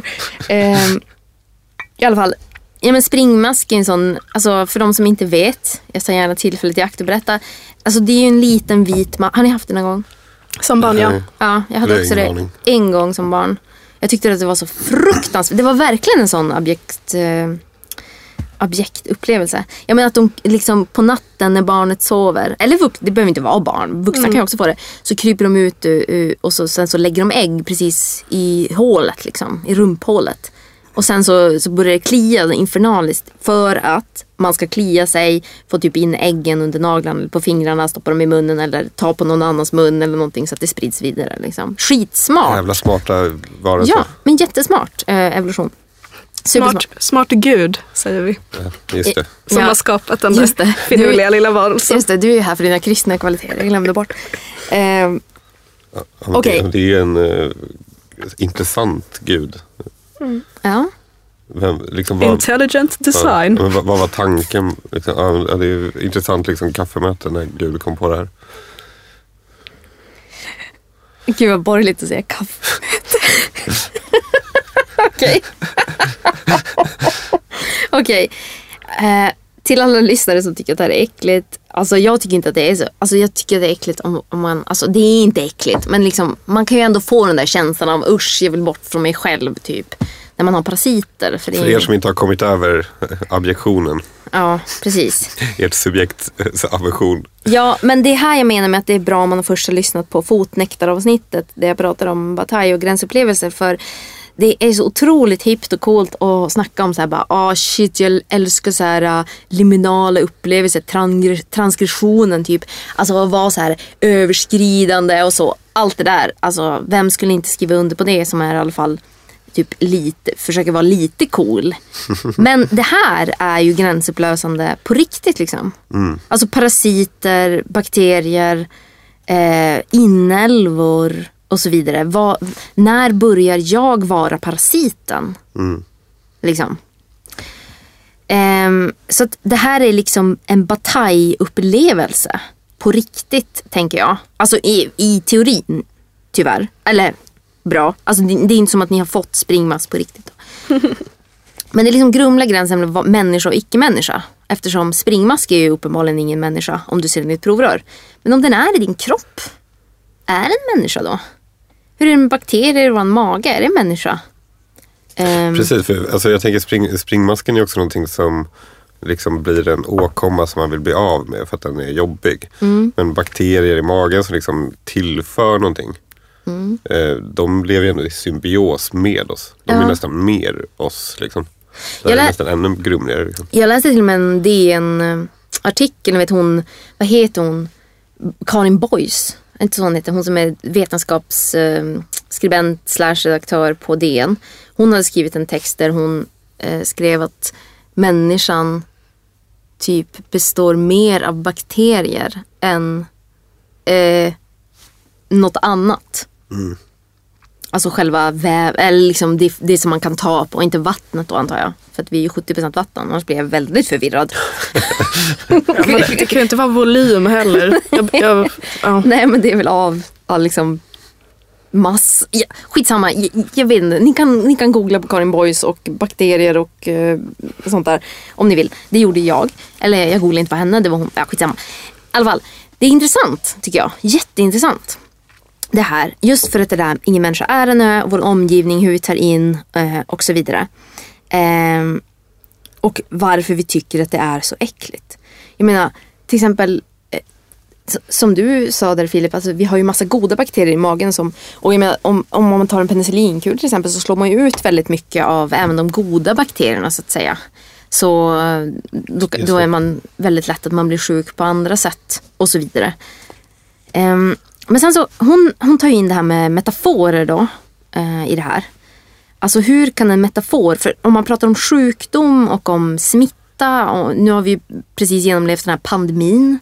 Så, så är det ofta den här militära metaforiken som är rådande. Va? Alltså vi blir invaderade, alltså det är ett krig mot bacillerna eller liksom eh, kroppen slåss för sin överlevnad. Eller... Kroppens försvar. Ja, vita blodkropparna är kroppens soldater. Alltså det är extremt så svartvitt. Ond, sjuk, god, frisk liksom så. Ehm, och det hon då gör, Daisy Lafarge, i den här eh, boken är att bland annat via Donna Har- Haraway, en som du brukar nämna, en teoretiker, ehm, prata om att gå emot, eller hon liksom går emot den här uppdelningen, binära uppdelningen av gott och ont. Så. I oss lever ungefär 80 biljoner bakterier. 80 biljoner, det låter som en sån här låtsasnummer. De flesta lever i tarmarna. eh, och de är så många att, ja, vissa då, bland annat Karin Boys uppenbarligen, menar att vi är mer bakterie än människa. Eh, och att vi egentligen, det finns forskare som föreslår att vi egentligen inte borde heta Homo sapiens utan Homo microbis. Framförallt är vi mer bakterie än ö. Vi har ju inte en enda ö i kroppen. Exakt. Vad jag vet. Precis. Precis. Men hon, hon tar upp lite så roliga typ exempel. Um, Eh, metaforerna metaforen är liksom hur man pratar. Nu var det som att jag började prata om två saker samtidigt. Jag ska först säga något där om metaforerna. Alltså hur, hur man pratar om. Eh, det är ju väldigt avgörande för hur vi agerar helt enkelt. Tänk, jag tänker till exempel på Susan Sontag som skrev Illness as metaphor. Och hon pratade så här om typ, kan, hon fick cancer, jag tror hon fick bröstcancer. Men, men Illness as metaphor, är det en bok eller en essä? Det är en essä. En essä lite längre, ja precis. Där hon, liksom, hon fick en cancerdiagnos och hon så här började typ undersöka så här språkbruket kring cancer. Och hur skadligt det är att folk pratar om det så här som att man måste typ kämpa emot själv och, och sådana där grejer. Fast, och folk liksom lydde det rådet och kanske inte sökte behandling ibland. Och liksom att Sånt har metaforer... skrivit så himla mycket bra texter. Ja men verkligen. Kanske borde ha ett sånt tagavsnitt. Eh, jag menar i alla fall att, att det faktiskt metaforer är dödliga då potentiellt. Men den här Daisy hon går emot Sontags uppdelning där av att det är så här ont och gott och så. Att man ändå är i landet av de sjuka eller landet av de friska och så.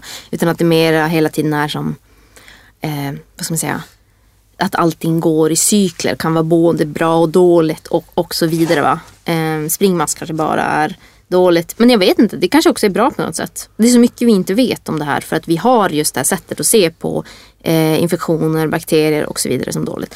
Som ett exempel då Och, för och att... om det är dåligt så är det ju dåligt för oss men kanske inte för Springmasken. ringmasken eller för världen. Eller Ja men för, verkligen. liksom, Dels det. någon form av bortommänsklig... Verkligen. Men till exempel så hon har, eh, hon har flera exempel på där hon liksom luckrar upp den här eh, uppdelningen då. Och en av de exemplen är eh, en forskar eh, som hon har som håller på med mikrobiologi. Hade en kollega eh, som hade sådana auto, autoimmuna problem. Jag vet inte om ni är bekanta med sådana autoimmuna sjukdomar. Men problemen var i alla fall livslång astma och eh, eh, olika eksem bland annat. Så, som personer alltid hade haft.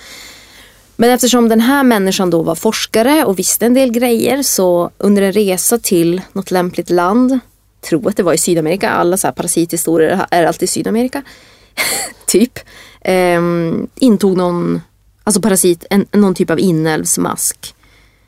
Jag tror att det stod vilken eller jag vet inte, men jag kommer inte ihåg det i Eh, alla fall. Intog självmant? Eller Ja, självmant. Ja. Alltså just för att eh, den här personen, forskaren då hade hört liksom vad den här masken kunde ha för bieffekter ur mänsklig synvinkel då. Eh, och grejen är då att den här masken, för att inte bli typ bortstött av kroppen, så, så liksom modulerade den i, i, i, inne i människans kropp. Så den här autoimmuna sjukdomen försvann. För att den själv skulle överleva. Den, alltså, en parasit vill ju alltid att värddjuret ska överleva så länge som möjligt.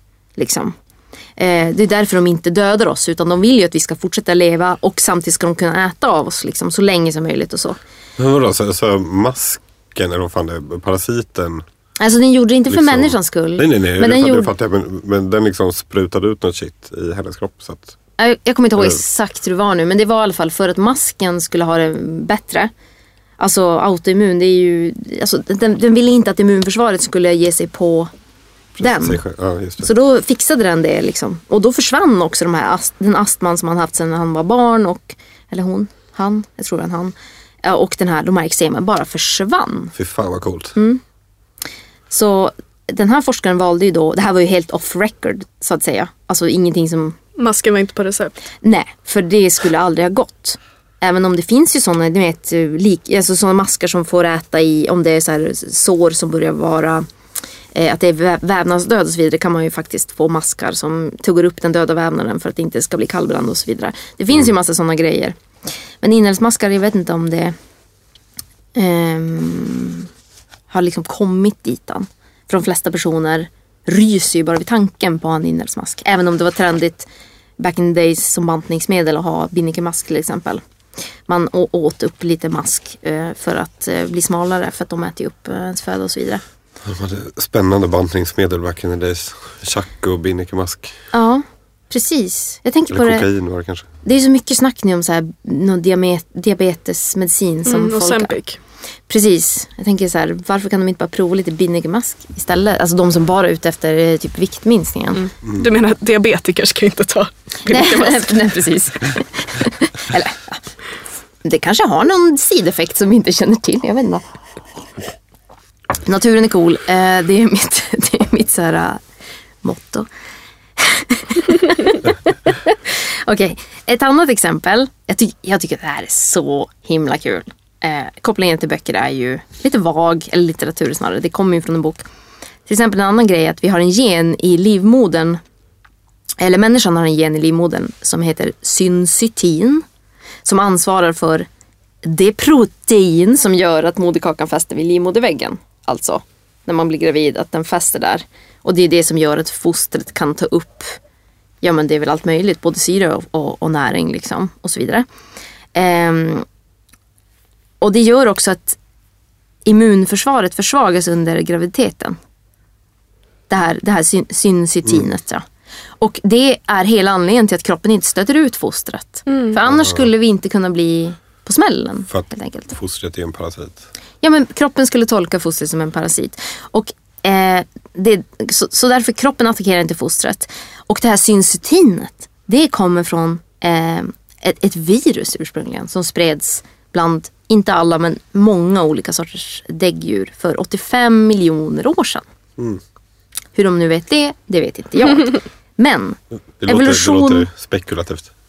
Nej men det, vet, det tror jag inte att det är. Det tror jag inte att det är. Men däremot att evolutionen ofta sker via virus. Som en typ av mutationer då alltså. Ehm, eller på samma sätt som mutationer f- u- utvecklar oss. Eh, är väldigt intressant. Så jag menar. Även det ifrågasätter ju mänskligheten, gränsdragningen mellan, alltså ett virus, är det en människa? När det färdas i, i det där li- lilla ögonblicket mellan två människor, är det då en människa? När blir det människa när det är i mig? Och så vidare. Sen så drar hon en massa paralleller mellan det här uh, infektionen och kärlek och så vidare. Det tycker jag är det sämsta i boken. jag tycker att det är lite cheesy. Eh, eller gooey har jag skrivit här med oklar stavning. Ehm, men, men däremot så är det? G-O-O-E-Y. Ja, Det var inte så konstigt. Jag hade hoppats på kanske tio ord. Ja, men det beror på hur mycket emfas man har när man uttalar det. Jag vet inte ens om det är ett ord, men skitsamma. Men i alla fall. Däremot, jag tänker inte gå, hon, hon har lite så här, ni vet den här typiska så här, engelsktalande människor som alltid har så här personal essay style typ. Framförallt amerikaner, men hon är ju britt. Och, och liksom, de använder ordet creepy och berättar om ex. Alltså ex-kärlekar och så här typ. Oh, och så har hon så här klyscha typ meningar som är så här. Oh, people were disgusted but I was thinking of love. Alltså sådana grejer. Jätteslaskigt. Men i alla fall, men däremot så är det ju så i litteraturhistorien, vilket hon tar upp som jag tycker är intressant, att sjukdom och kärlek har väldigt lika beskrivningar. Liksom. Just det. Alltså att, bara en sån grej som att vara sjuk av kärlek. Så. Ehm, och, och, och på engelska finns kanske ännu fler exempel på det här. Liksom, hur man, alltså, m- man blir liksom smittad. Jag tycker, tycker att man, om man är riktigt, riktigt förälskad så kan man bli typ psykotisk. Men också ba, bara den här grejen med, alltså man är febrig liksom av kärlek eller åtrå eller, eller något sånt där. Va? Eh, och så går hon igenom massa exempel. Roligast av dem eh, exemplen är att under renässansen så var loppan en erkänd poetisk erotisk symbol. Visste ni det?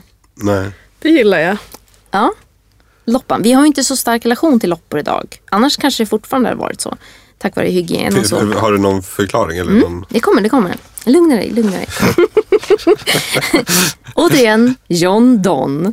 Min älskling John Donne. Jag ska sen också visa en bild på honom för han var jättesnygg. Svårt att visa i podd. Men... Nej men vi kan lägga upp på skojar Instagram. skojar. Eh, nej men jag menar för er, alltså. För er två. Mm. Eftersom jag bara snackar om snygga personer. Även hon Daisy, hon har ett väldigt karaktäristiskt utseende. Men Det är någon av mina som var snygga. Jag läste någonstans att Bioy Casares i sin relation till Borges, att han var liksom den snygga av dem som fick mycket tjejer.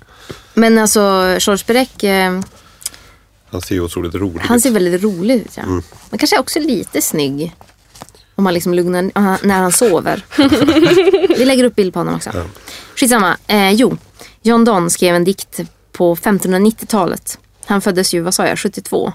Så det här var en ungdomsdikt. Han skrev väldigt så extravaganta ungdomsdikter. Sen så blev han ju präst och domprost och så vidare. Så då kanske han lugnade ner sig. Men eh, den heter i alla fall The Flea, alltså loppan då. Ja, för Laos är ju lus. Men loppan. Och där så skriver han i, tar han upp det här kända, välkända erotiska, hemliga liksom, undertextmotivet. Att eh, loppan är en erotisk symbol. Och där jaget avundas loppan eftersom den har fått ta sig friheter då med eh, jagets älskades kropp. Helt enkelt. Eh, det låter så här då. Eh, på engelska. It sucked me first and now sucks thee. And in this flea are two bloods mingled be. Fint rim. Mm. Thee, det är kul. Eh, och i den här dikten så försöker det här jaget övertala den älskade att de ska typ ligga. För deras blod har ju redan blandats genom den här loppan då. Så därför är det typ redan kört. Alltså, alltså dygnen Halva inne. Halva inne precis symboliskt genom loppan. Och sen så eh, fortsätter den så här. Jag kunde just på att... Äh, fortsätt. Nej men nu Nej, men, äh, står ditt jag, har, kast. jag har en bok som jag liksom... Jag tror att jag läst, börjat läsa den, men inte läst klart den. En, en Vertigo-utgiven bok som Mm. heter En loppas memoarer. Ja, Som är en klassisk viktoriansk erotisk ja. Just det. eh, bok. Det är, den som, är det den som handlar om typ en 15-åring, typ prostituerad? Alltså huvudpersonen är en loppa. Ja, det är så det är till och med. Okej, v- rolig eh, parentes. Ja, jag kom på det nu. Jag har inte tänkt på den metaforen med den. Jag hade tyckt det varit så roligt om du bara för du sitter att du tog upp mobilen för att kolla upp eh, titeln Ja, antar jag. ja, precis. men att eh, om du hade bara, ja men jag kom på, titta ner i mobilen, att eh, jag liksom hörde talas om en roman som handlade om en man som vaknade som en skalbagge. är det någonting på, på det här ämnet? Ah, hon refererar till Gregor Samsa i Kafkas Förvandlingen. För att vi inte ska vara elitistiska så säger jag det. Vilket fick mig att låta ännu mer elitistisk. I. Vertigos, den te- texten jag hittade här, eh, sa de att den här Loppas memoarer är en föregångare till Gregor Samsa. Ja, ja. ja, ja. Mm, mm, mm. Vi får se. I alla fall, sen så fortsätter dikten då så här. Ehm, den, den är ganska lång, men det här är en bit då. Oh stay, three lives in one flea spare, where we almost, nay, more than married are. This flea is you, and this our marriage bed, and the marriage temple is. Pretty good va? Alltså sängen där man får loppor, det är våran alltså, äktenskapssäng, våran, våran, ja, och så vidare. Och kom igen. Jag vet inte, men jag antar att ni någon gång varit dödligt förälskad. Absolut. Finns det inte ett uns av romantik i att få en sjukdom från sin älskade? Att insjukna på samma sätt som den andra har varit sjuk. På samma sätt som man själv känner sig sjuk av kärlek. Det är, jo, men jag kan tycka att det är ett fint bevis på att man är väldigt nära varandra. Liksom. Men det kan man ju vara med många. Alltså, Ja, men för det jag tänker, jag blev så glad att höra om den här loppan som metafor. För annars tänker jag att liksom eh, att det ändå finns ett avstånd mellan de sjukdomsmetaforer som används för förälskelse och här, den här liksom abjekta sortens sjukdom som vi Ja, snackat om absolut. innan. För det är liksom inte så här, jag skiter på mig av nej. kärlek. Nej. Det är liksom inte diarré, spyor och, och varbölder. Diktsamling coming up. Olseberg style. mm. Verkligen. Men eh, det kan jag hålla med om. Jag tänker den ultimata så bli smittad av sin älskade är ju vampyren som trop. Det. Alltså att bli biten av vampyren gör att du själv också insjuknar och blir vampyr och ni är dömda till ett liv, ett nattligt liv tillsammans i evighet. Jag har ju också lärt mig från dig Andrea, när jag, alltså, att när jag har feber så ska jag låtsas som att jag har blivit biten av en vampyr och insjuknar i den eviga döden. Ja, är att du liksom är i- som har bitit mig. In transition så att säga, Eh, mot jag att bli vampyr. tänker på det ofta när jag är sjuk. Jag vet, visst är det mysigt? Vilken väldigt fin eh, fantasi. Ja, men det är inte jag som har kom- Det är från Ingrid Edefeldts vampyrroman Julian och jag. Ja, men Ja, jag, jag, som du pratade om i förra avsnittet. jag, jag har fått det från dig i alla fall. Ja, men det kommer därifrån. Vad fint. Ja, ehm, det finns något romantiskt med det där.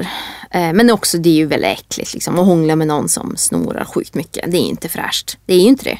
Men Nej. är man tillräckligt kär så gör man det ändå. Så är det. Så är det. Jag vet att eh, ett av mina ex vägrade träffa mig när jag var sjuk. Och Det är Kom- därför hon är ditt ex. kom, kom hem till mig och ställde nyponsoppa utanför min dörr. Och, Sprang iväg.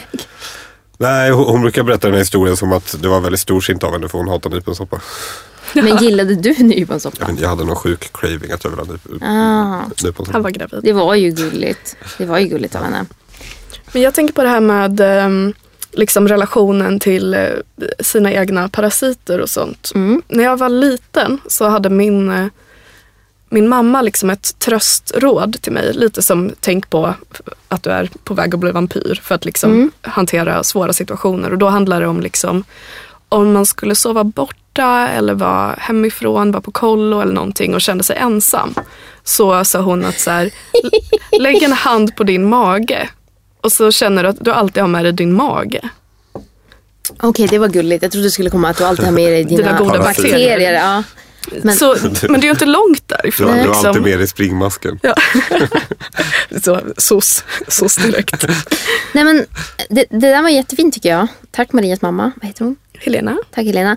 Ehm, jag tänker också så här, just det här med metaforerna mellan sjukdom och kärlek. Alltså typ att, att den älskade liksom drar genom ens blod. Liksom på samma sätt som typ en, en sjukdomspartiklar kan göra eller ett virus kan göra och så vidare. Det bränner igenom en i feber och så här, allt det där. Eh, och sen så steg därifrån på sätt som liksom sjukdomar typ nafsar på oss. Så nafsar vi ju på våra älskade. Eller hur? Kärleksbett, kärleksnafs. För att inte tala om det gamla klassiska sugmärket. Det finns något kannibalistiskt i att älska. Det är inte bara jag som tycker. Eh, utan så är det. Även med våra husdjur. Vi är ju molekylärt intima med våra husdjur. Jag menar har du en katt så, passer, så skickar du väl liksom typ to, vad heter det, toxoplasma, den här sjukdomen. Toxoplasma fram och tillbaka mellan dig och katten för att den slickar på sig, den slickar sig i röven. Alltså katter är ju inte så renliga som vi tänker att de är. Eh, nej men alltså man, man liksom har varandras, alltså det går in i varandras kroppar hela tiden. Men, men vem, inte bara djur utan alla som är i din närhet. Så. Eh, och ätande är ju sig gränsöverskridande, tänker jag. Alltså intag av olika sätt, oavsett om det är frivilligt eller inte. Ehm, och det är här vi kommer in då på mysticismen. För Daisy Lafarge, hon berättar, eh, hon drar lite roliga paralleller mellan parasiter och Gud. Eh, mellan olika mystiker. Eh, till exempel som att tron är en spermie som Gud har placerat i våra kroppar. Eh, spermie är ju för sig ingen parasit men, men, eh, men på sätt och vis är det ju det. Och eh, gränsupplösningen är också intressant här i, i språkligt liksom. Att eh, äta av varandra. Det finns mystiker som talar om att man smakar på Gud. Jag menar, vi alla är ju bekanta med nattvarden. Man äter av Jesu kropp, dricker Jesu blod. Katarina av Siena är det någon som du är bekant med? Nej.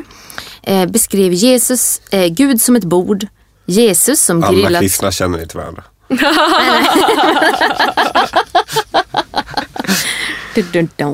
Eh, eh, hon beskrev Gud som ett bord, Jesus som grillat kött och den helige ande som servitör och tjänare.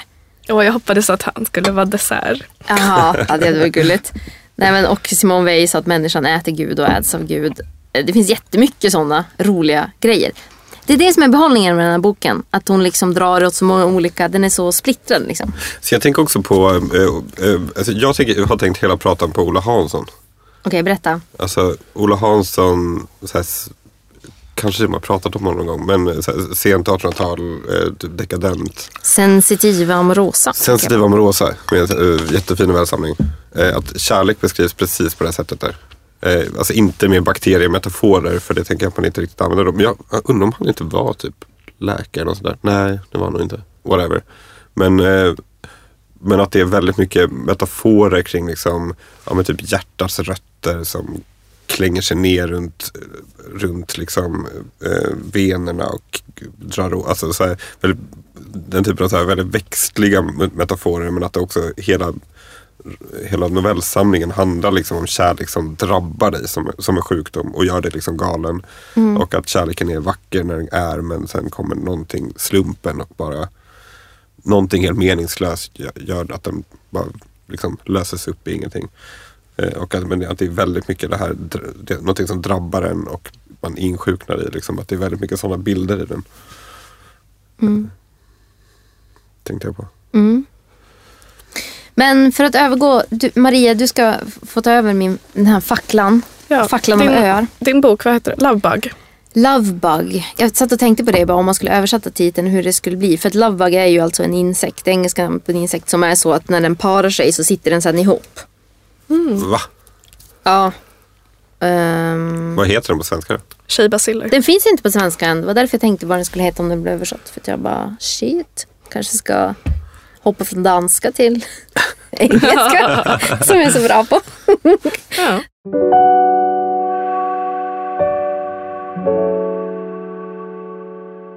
Ja men Maria du ska få fortsätta nu. Ja, ehm, Har vi slut på vin? ja, Ja. det har vi.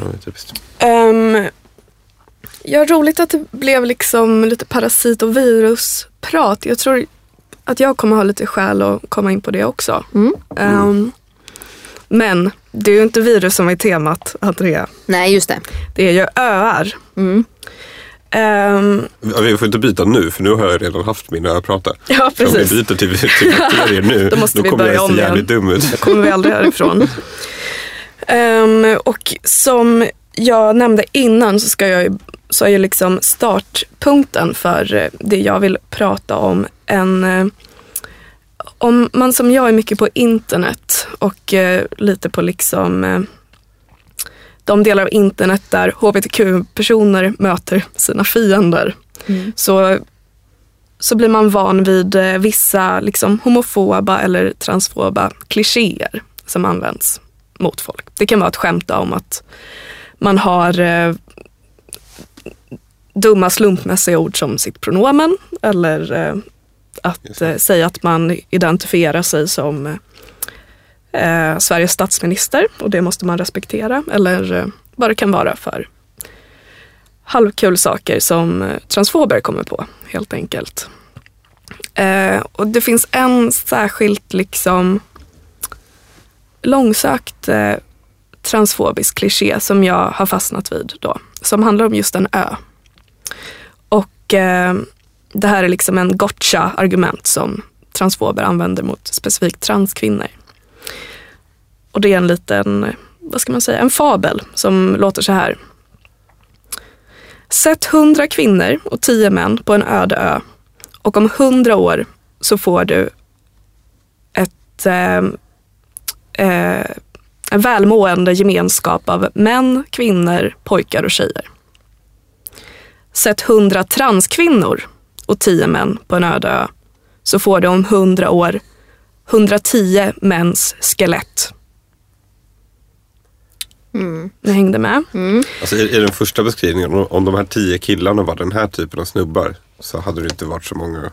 Nej, exakt. exakt. Man, man har mycket att invända mot det här kan man säga. Och jag, jag kommer vandra oss igenom några av sakerna här. Eh, Men det här lilla parabeln är ju liksom den makabra transfoba versionen, tänker jag, av veganen som sätts på en öde ö tillsammans med en gris. Som jag vet inte om du stött på. Nej, faktiskt inte. Om du var på en öde ö skulle du inte äta kött då. Det beror ju på om det fanns frukt. Ja, det är du och en gris. Sätt igång. Men vadå, är bara sand? Ja, det, det är det, premisserna är ju trasiga för det här. Alltså jag Ja. skulle säga att eh, jag kan ju inte göra upp eld. Alltså jag vill bara säga en grej. Så, så den där grisen skulle jag inte ha så mycket nytta av. Snobb. Nej, men jag tänker bara på den här grejen som du kollar Jag på. på Robinson. bakterier, ja, Robinson. Om jag var med i Robinson så skulle jag hellre bli undernärd än att käka ett djur eftersom det är på låtsas. Men vad fan, vem vet vad man gör om man blir riktigt hungrig? Nej, det stämmer. Men så jag skulle i alla fall säga att man, om- man om hundra år kommer hitta ett veganskelett och ett grisskelett. Oavsett, ja. Och, och veganskelettet har förstås eh, benskörhet, eller? B- Eh, nej, alltså komjölk innehåller retinol. Det är därför benskörheten är högst i, hela, i Norden. För att vi dricker mest mjölk här. Ja, det- Man blir benskör av att dricka mjölk. Det är en stor skarv från mjölklobbyn. Nej jag skojar. Fast jag skojar. Retinol, inte det det man använder för hudvård också? Ja, men alltså det finns... Eh, i... Jag Ja. tänkte, nej, skitsamma. Ja. Låt mig fortsätta med skeletthistorien. Yes. Eh, men ja, det är en långsökt berättelse då. Och poängen man vill göra är ju att transkvinnor och cismän inte kan avla barn tillsammans. Och att deras skelett ser likadana ut. Och därför är transkvinnorna enligt den här modellen män. Eh, det är vad som vad den här historien vill bevisa. Men sen med den här skelettgrejen, jag vet inte heller liksom, hur mycket det stämmer beroende på vilka de här hundra kvinnorna är på ön. För jag menar det är jättemånga tjejer som typ mortlar ner sitt kranium för att göra det mer konventionellt kvinnligt med plastikkirurgi och sånt. Sitt kranium. Ja, alltså för att få eh, mer liksom feminina an- anletsdrag. Mort, Så att- mortlar? Alltså ja, man menar kan med... minska hakan, man kan liksom göra sådana saker. Ehm, men jag är i alla fall väldigt fäst vid den här transfoba fabeln just eftersom den är så sökt.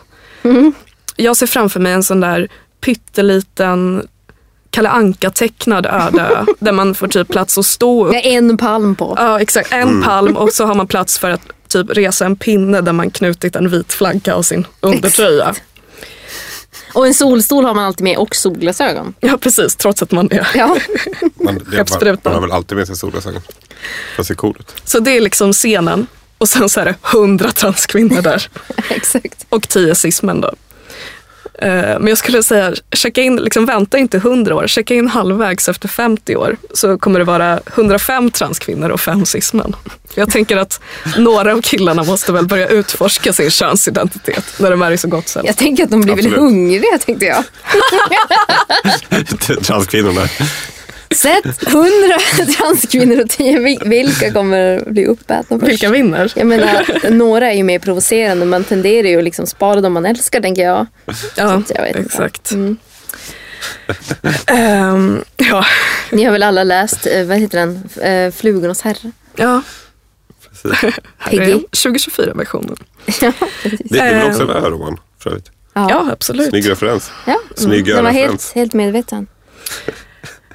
Eh, precis, Lord of the Flies. Um, apropå insekterna igen.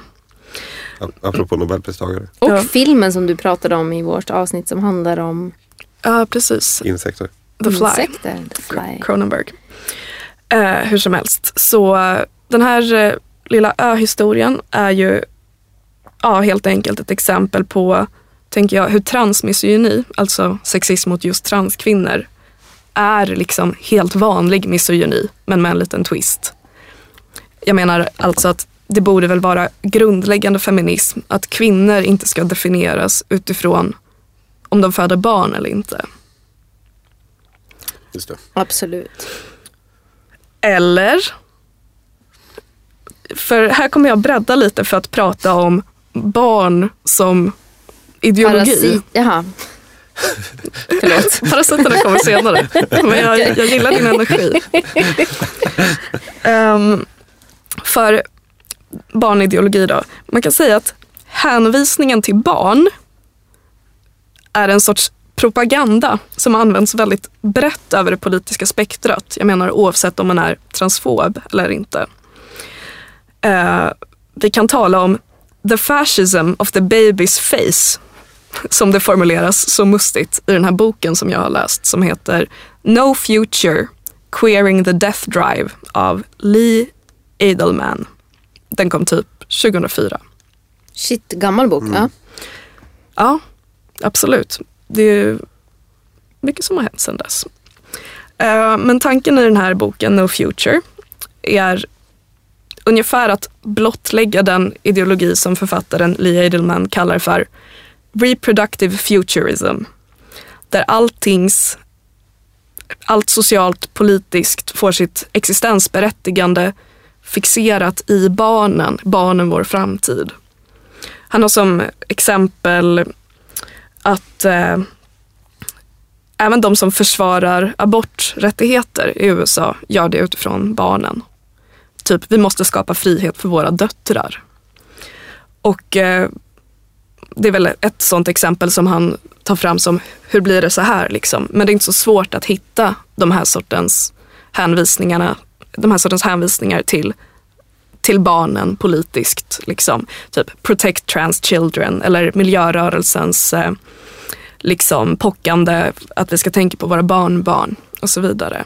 Det, det är också ett otroligt vanligt så här, så här, sån typ av uttryck jag hör, så här, transfobiskt uttryck som jag hör från folk som typ in, i vanliga fall, som jag inte tänker på som så här, hårdnackade transfober.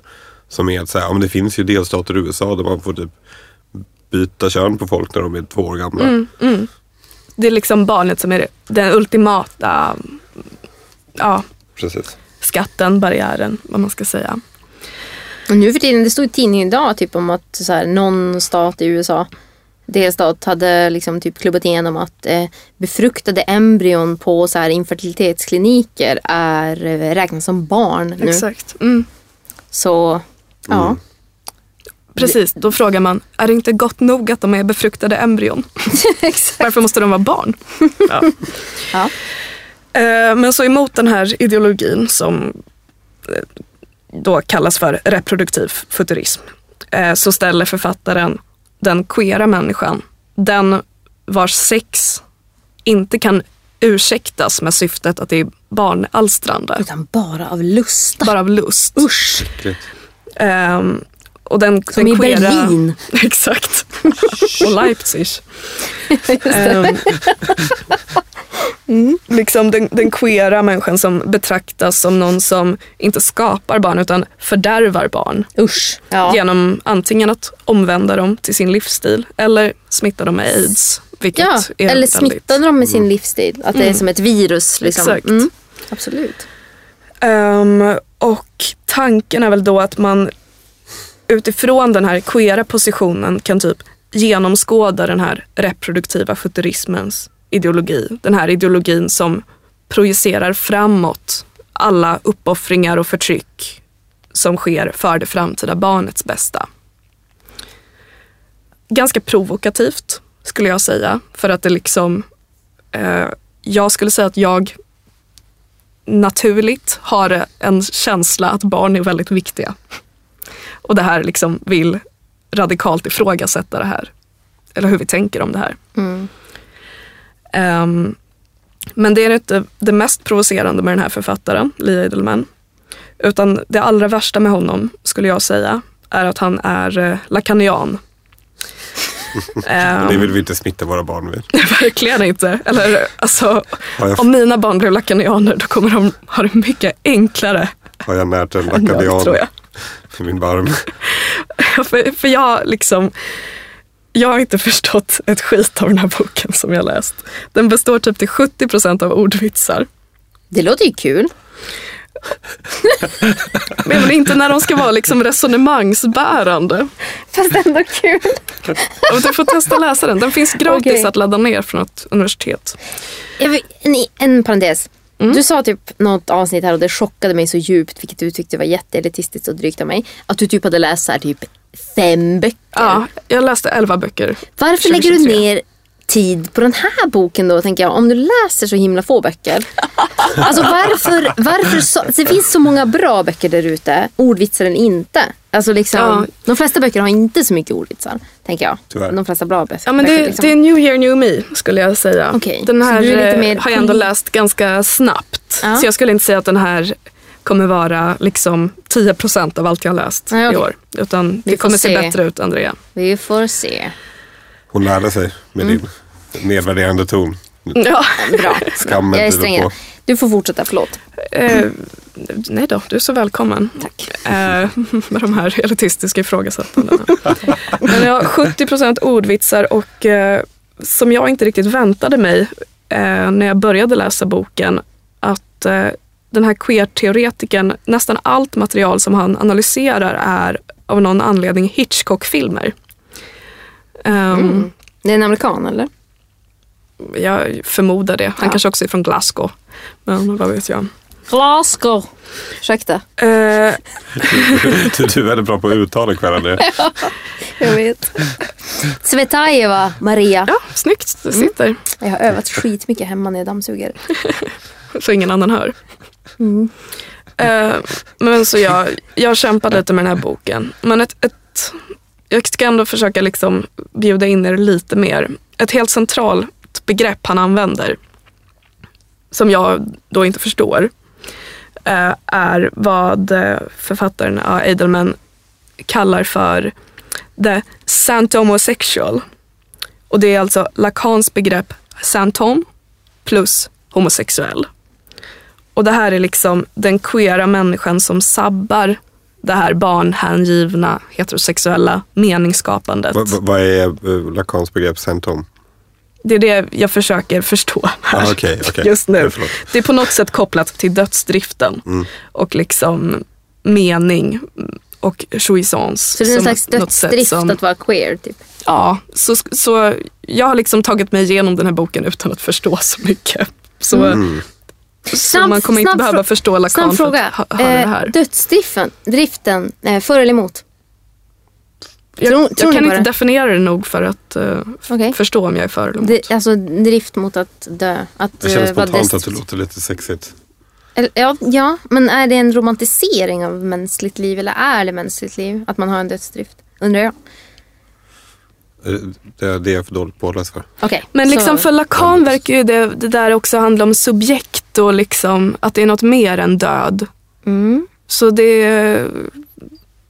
Jag vet inte. Lite mer metafor, Ja. eh, bild av en död. Ja. Ja, Vi måste, herregud. kan vi inte be Nea komma hit igen? Hon var så himla duktig på att förklara grejer. Alltså så smart. Ja. Hon kan säkert Lacan. Alltså det skulle inte förvåna mig ett dugg. Nej, verkligen. Det är Södertörn. Lacan-avsnitt. Um, min, minns ni vad jag sa precis? Ja. Ehm, det är liksom sant homosexuell. Ja. eh, den queera människan som är i motstånd till den, den här eh, reproduktiva futurismen. Och det här begreppet behövs ju då för att särskilja den sant homosexuella från queera i största allmänhet. Absolut. För såklart kan hbtq-personer vara själva reproduktiva futurister. Och alla, även heterosexuella, kan vara sant homosexuals. I boken är till exempel fåglarna i Hitchcocks The Birds sant homosexuella. Det är min värsta film. På, på vilket, men vadå, är alla som är emot den reproduktiva eh, ordningen är sant homosexuals? Jag upplever det som att det är en, ett motsatsförhållande där för honom, ja. Det är lite konstigt. Ehm, Men varför är fåglarna det? Eller liksom på för att de angriper barnen särskilt och de gör det på ett helt meningslöst sätt. Men det de är någonting som är oförklarligt i filmen. alla, gör de inte det? Nej, men det här, jag skulle verkligen säga att även utan att eh, ha eh, sett Hitchcocks filmer så håller ju inte argumentationen. Nej, men se aldrig fåglarna. Den är fruktansvärd. Läs novellen däremot, den är skitbra. Daphne du Maurier. Det finns ju också i Gösta Berlings saga en sån scen. Där det är en jag har också en sån scen i är- en av mina romaner. Ja, Det är tras, äh, björktrastar Mm. som attackerar. nice. Blod, blod, skam. Ehm, ja, men jag skulle bara lite kanske sammanfattande säga att, att den här Edelmans No Future, Queering the Death Drive är ganska men radikal och svår att ta in. Både då på grund av psykoanalysen men också eftersom den gör någonting, skulle jag säga, väldigt tabubelagt i att liksom ta avstånd från barnen. Ehm, alla på Goodreads är jättearga på honom. De är så här, vadå, bisexuella föder barn hela tiden faktiskt. Eh, och tycker att han bara är en vit borgarbög som hatar barn. Avfärdar honom så. Ja. Och särskilt just nu så mm, kan jag med tycka att, att han är svår att liksom lyssna till på allvar. När man ser nyheter om de 39 palestinska spädbarn som lämnats till att dö i Al-Shifa-sjukhuset. Då känns det liksom för absurt att ta på sig Lacan-glasögonen och mena att det här reportaget det ansluter till reproduktiv futurism. Just det. Men, men, men det finns ju också, tänker jag, så här, eh, en annan diskurs som har att göra med liksom, alltså, miljöpolitik eh, och överpopulation. Alltså till exempel, det här kan jag alldeles för lite för att dra, eh, dra ett långt resonemang om. Men, men det finns ett koncept som heter typ eh, ecofascism. Eh, som är- Fascism. E- Ecofascism. Sorry. Det var det roligaste jag någonsin haft. som, som, eh, eh, ja, men som är då högerextrema eller alt-right. Som liksom använder sig av eh, miljö eh, argumentet och pratar om överpopulation för att då eh, prata om vilka som ska få barn till exempel. Eh, Ja men verkligen. Och, och det tycker jag också att eh, i den här Goodreads-kritiken då så var det någon som gjorde en riktig poäng som jag tänker du också är inne på att barnet är ju ändå inte eh, även, om, även när barnet är en symbol så är det inte ett universellt barn. Eh, utan barn kan ställas mot andra barn Mm, ideologiskt. Till exempel vita barn mot svarta barn. Just det. Eh, rika barn mot fattiga barn. Och så vidare. Gängkriminella barn. Precis. Ehm, så det, ty- det kan man ju... Lac- Lacanianska barn. Liksom, lakanianska barn. Ja. Jag, vet, jag ska inte fortsätta den Även meningen. kallat lilla A. Ja, precis. Ehm, men trots de här liksom, vad ska man säga, de här provokationerna så tycker jag att No Future har ett tankegods som jag har svårt att släppa. För jag tycker att man ser ändå den här ideologin överallt när man börjar tänka på det. Man ser det i reklam, jag ser det i mig själv. Det är inte något svårt att hitta. Men jag har i alla fall läst en bok som väldigt tydligt erbjuder sig för en läsning utifrån det här temat. Som är eh, eh, Constance de Brés Love Me Tender. Känner ni till den? Ja, inte Den- läst men. Den handlar, eh, det är en fransk bok från början, jag läste den på engelska. Det är en självbiografisk bok om den här Constance de Bré som hon har lämnat sitt liv som advokat. Hon har skilt sig och blivit liksom författare och eh, lesbisk på luffen ungefär. Ehm, och i och med hennes nya livsstil då så kampanjar hennes exman för att ta vårdnaden av deras son från henne. En son som är typ åtta år när boken börjar. Eh, och den här exmannen lyckas med kampanjen. Eh, han berättar i domstolen om hur olämplig hon är som förälder och eh, hennes lesbiskhet och hennes liksom queera umgängeskrets vrids till... När, när, är det här är inte på riktigt, det är en roman eller? Jag tolkar det som en, en liksom bok med verklighetsanspråk. Och när är utspelar det sig? Eh, boken översattes till svenska precis. Hon, den verkar vara liksom ganska samtida. Nej men, hallå! Okej. Och hennes queera umgängeskrets blir liksom som eh, att den tolkas som liksom att det är incestuöst av henne. Nej, Att men- liksom, sonen träffar hennes kompisar, liksom, det är något pedofilt med det hela. Fast det här låter väl inte så långt bort från verkligheten. Det låter Alltså, amerikanskt. det är ja, La jag, jag, France. jag tänker att det finns i Frankrike också. mycket. Och exmannen liksom, han, han citerar eh, böckerna i hennes bokhylla. Det är kanske nu du ska bli orolig Andrea. Till exempel Bataille. Ehm, för att visa då hur omoralisk och eh, olämplig hon är som mamma. Herregud. Så hon Vad deprimerad man blir. Man blir deprimerad av det här, alltså över världen. Att vi inte har kommit längre. Alltså vi inte kan läsa Bataille. Men också att det inte har gått längre. Alltså det låter ju hemskt men jag menar det, det kan ju, om det här händer då kan ju i princip vad som helst fan hända. Och det gör det ju också. Dagens visdom från mig. Andrea Lundgren. Förlåt Maria, fortsätt. Inga ursäkter. Eh, men så ja, hon förlorar vårdnaden då. Och boken handlar ja, dels om hennes väldigt begränsade möten med sin son efter eh, den här vårdnadstvisten, eller i och med vårdnadstvisten. Och också om hennes lesbiska älskare. Det är fram och tillbaka med hur samarbetsvillig pappan är. Eh, sonen verkar ibland tvingas att ställa sig på pappans sida, pappan som han ju bor ihop med. Eh, och mammans och sonens relation skildras i de stunder den upplevs väldigt vackert. Men i slutet, när det börjar gå dåligt med deras kontaktmöjligheter igen, så är det som att jaget slutar sörja sonen och bara accepterar att de inte finns i varandras liv längre. Och det här är liksom, eh, det, det är liksom hennes personlighet i boken, att vara typ sammanbiten och sval. Hon är liksom en fredlig lesbisk Meursault ungefär i Främlingen.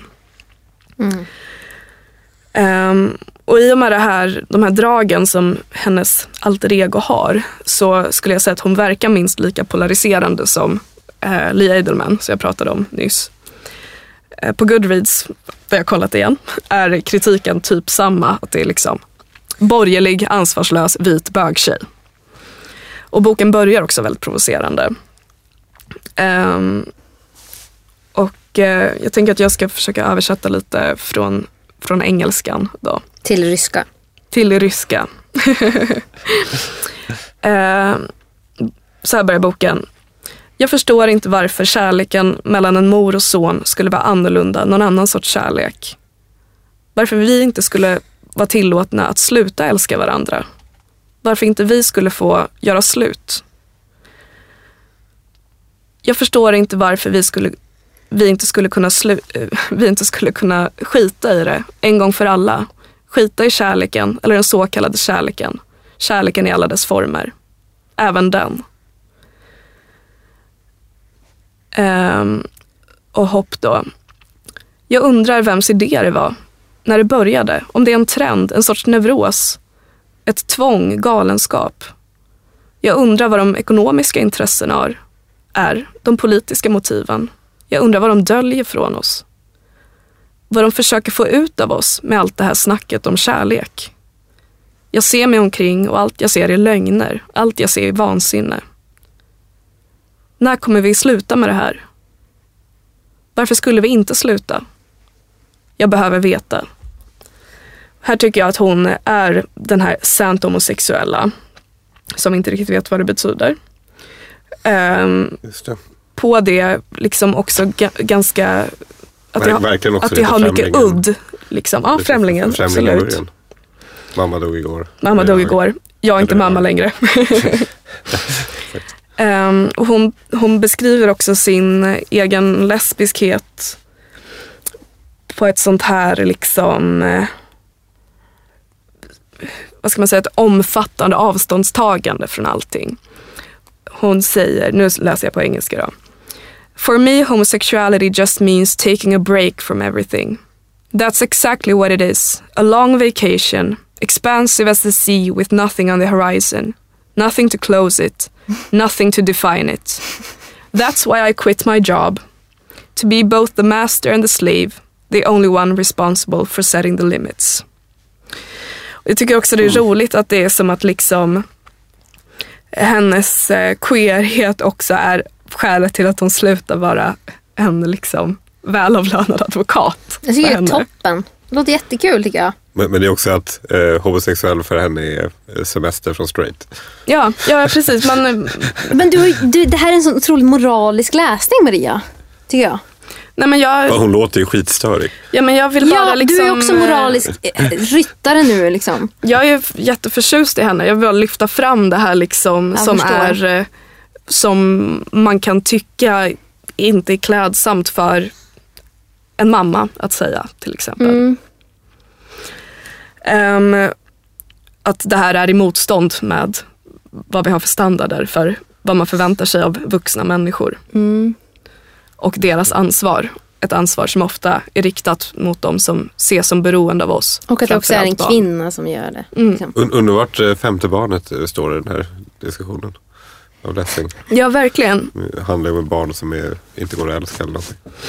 Men så, ja, men, så hon är i alla fall verkligen i det här med liksom ehm, som, jag, som jag nämnde innan, en person för, för, för henne är liksom sex inte kopplat till liksom att bilda familj längre eller att liksom delta i samhället, fostra medborgare, sådana saker. Utan det är liksom sex i sig som är det hon sysslar med. mycket. Sexet i sig som Heidegger sagt. Ja, exakt. Ehm, och eh, s- angående det du pratade om, om liksom virus och sånt. Du snackade ju mycket om det i relation till, eh, till andra organismer som människan. Liksom. Eh, Lee Edelman citerar ur en eh, Baudrillard-essä som handlar om typ meningens död eller någonting. Där eh, Baudrillard skriver en del om sex och eh, eh, jag har bara läst liksom, citat ur den här så jag kan inte fånga hela bilden den här väldigt eh, ohederliga argumentationen som författaren gör. Um, men liksom då skapar Baudrillard en bild av sex som um, som enbart akrobatiskt, liksom som, som mekaniskt nästan. Alltså att det är Mm, mm. tydligt på ett sätt kodat för att vara bög och inte heterosexuellt. Och att han tar också upp eh, artificiell eh, befruktning och kloning. Att det är liksom, och det tolkar också Edelman då som liksom eh, som queerhet. För att det är inte reproduktion genom eh, olika könsorgan, heterosexuell, heterosexualitet, utan genom ehm, det som är likadant. Alltså ehm, hur ett virus eh, förökar sig i bara sig själv, i liksom likhet. Mm. Och lite som vampyren också Mm. förökar sig angående det vi var inne på tidigare. Mm. Och det finns ett fint avsnitt i, ehm, i den här Love Me Tender av Constance Debré där hon beskriver, eh, tänker jag, en annan sorts liksom föräldraskapsbild som inte är den reproduktiva futurismens.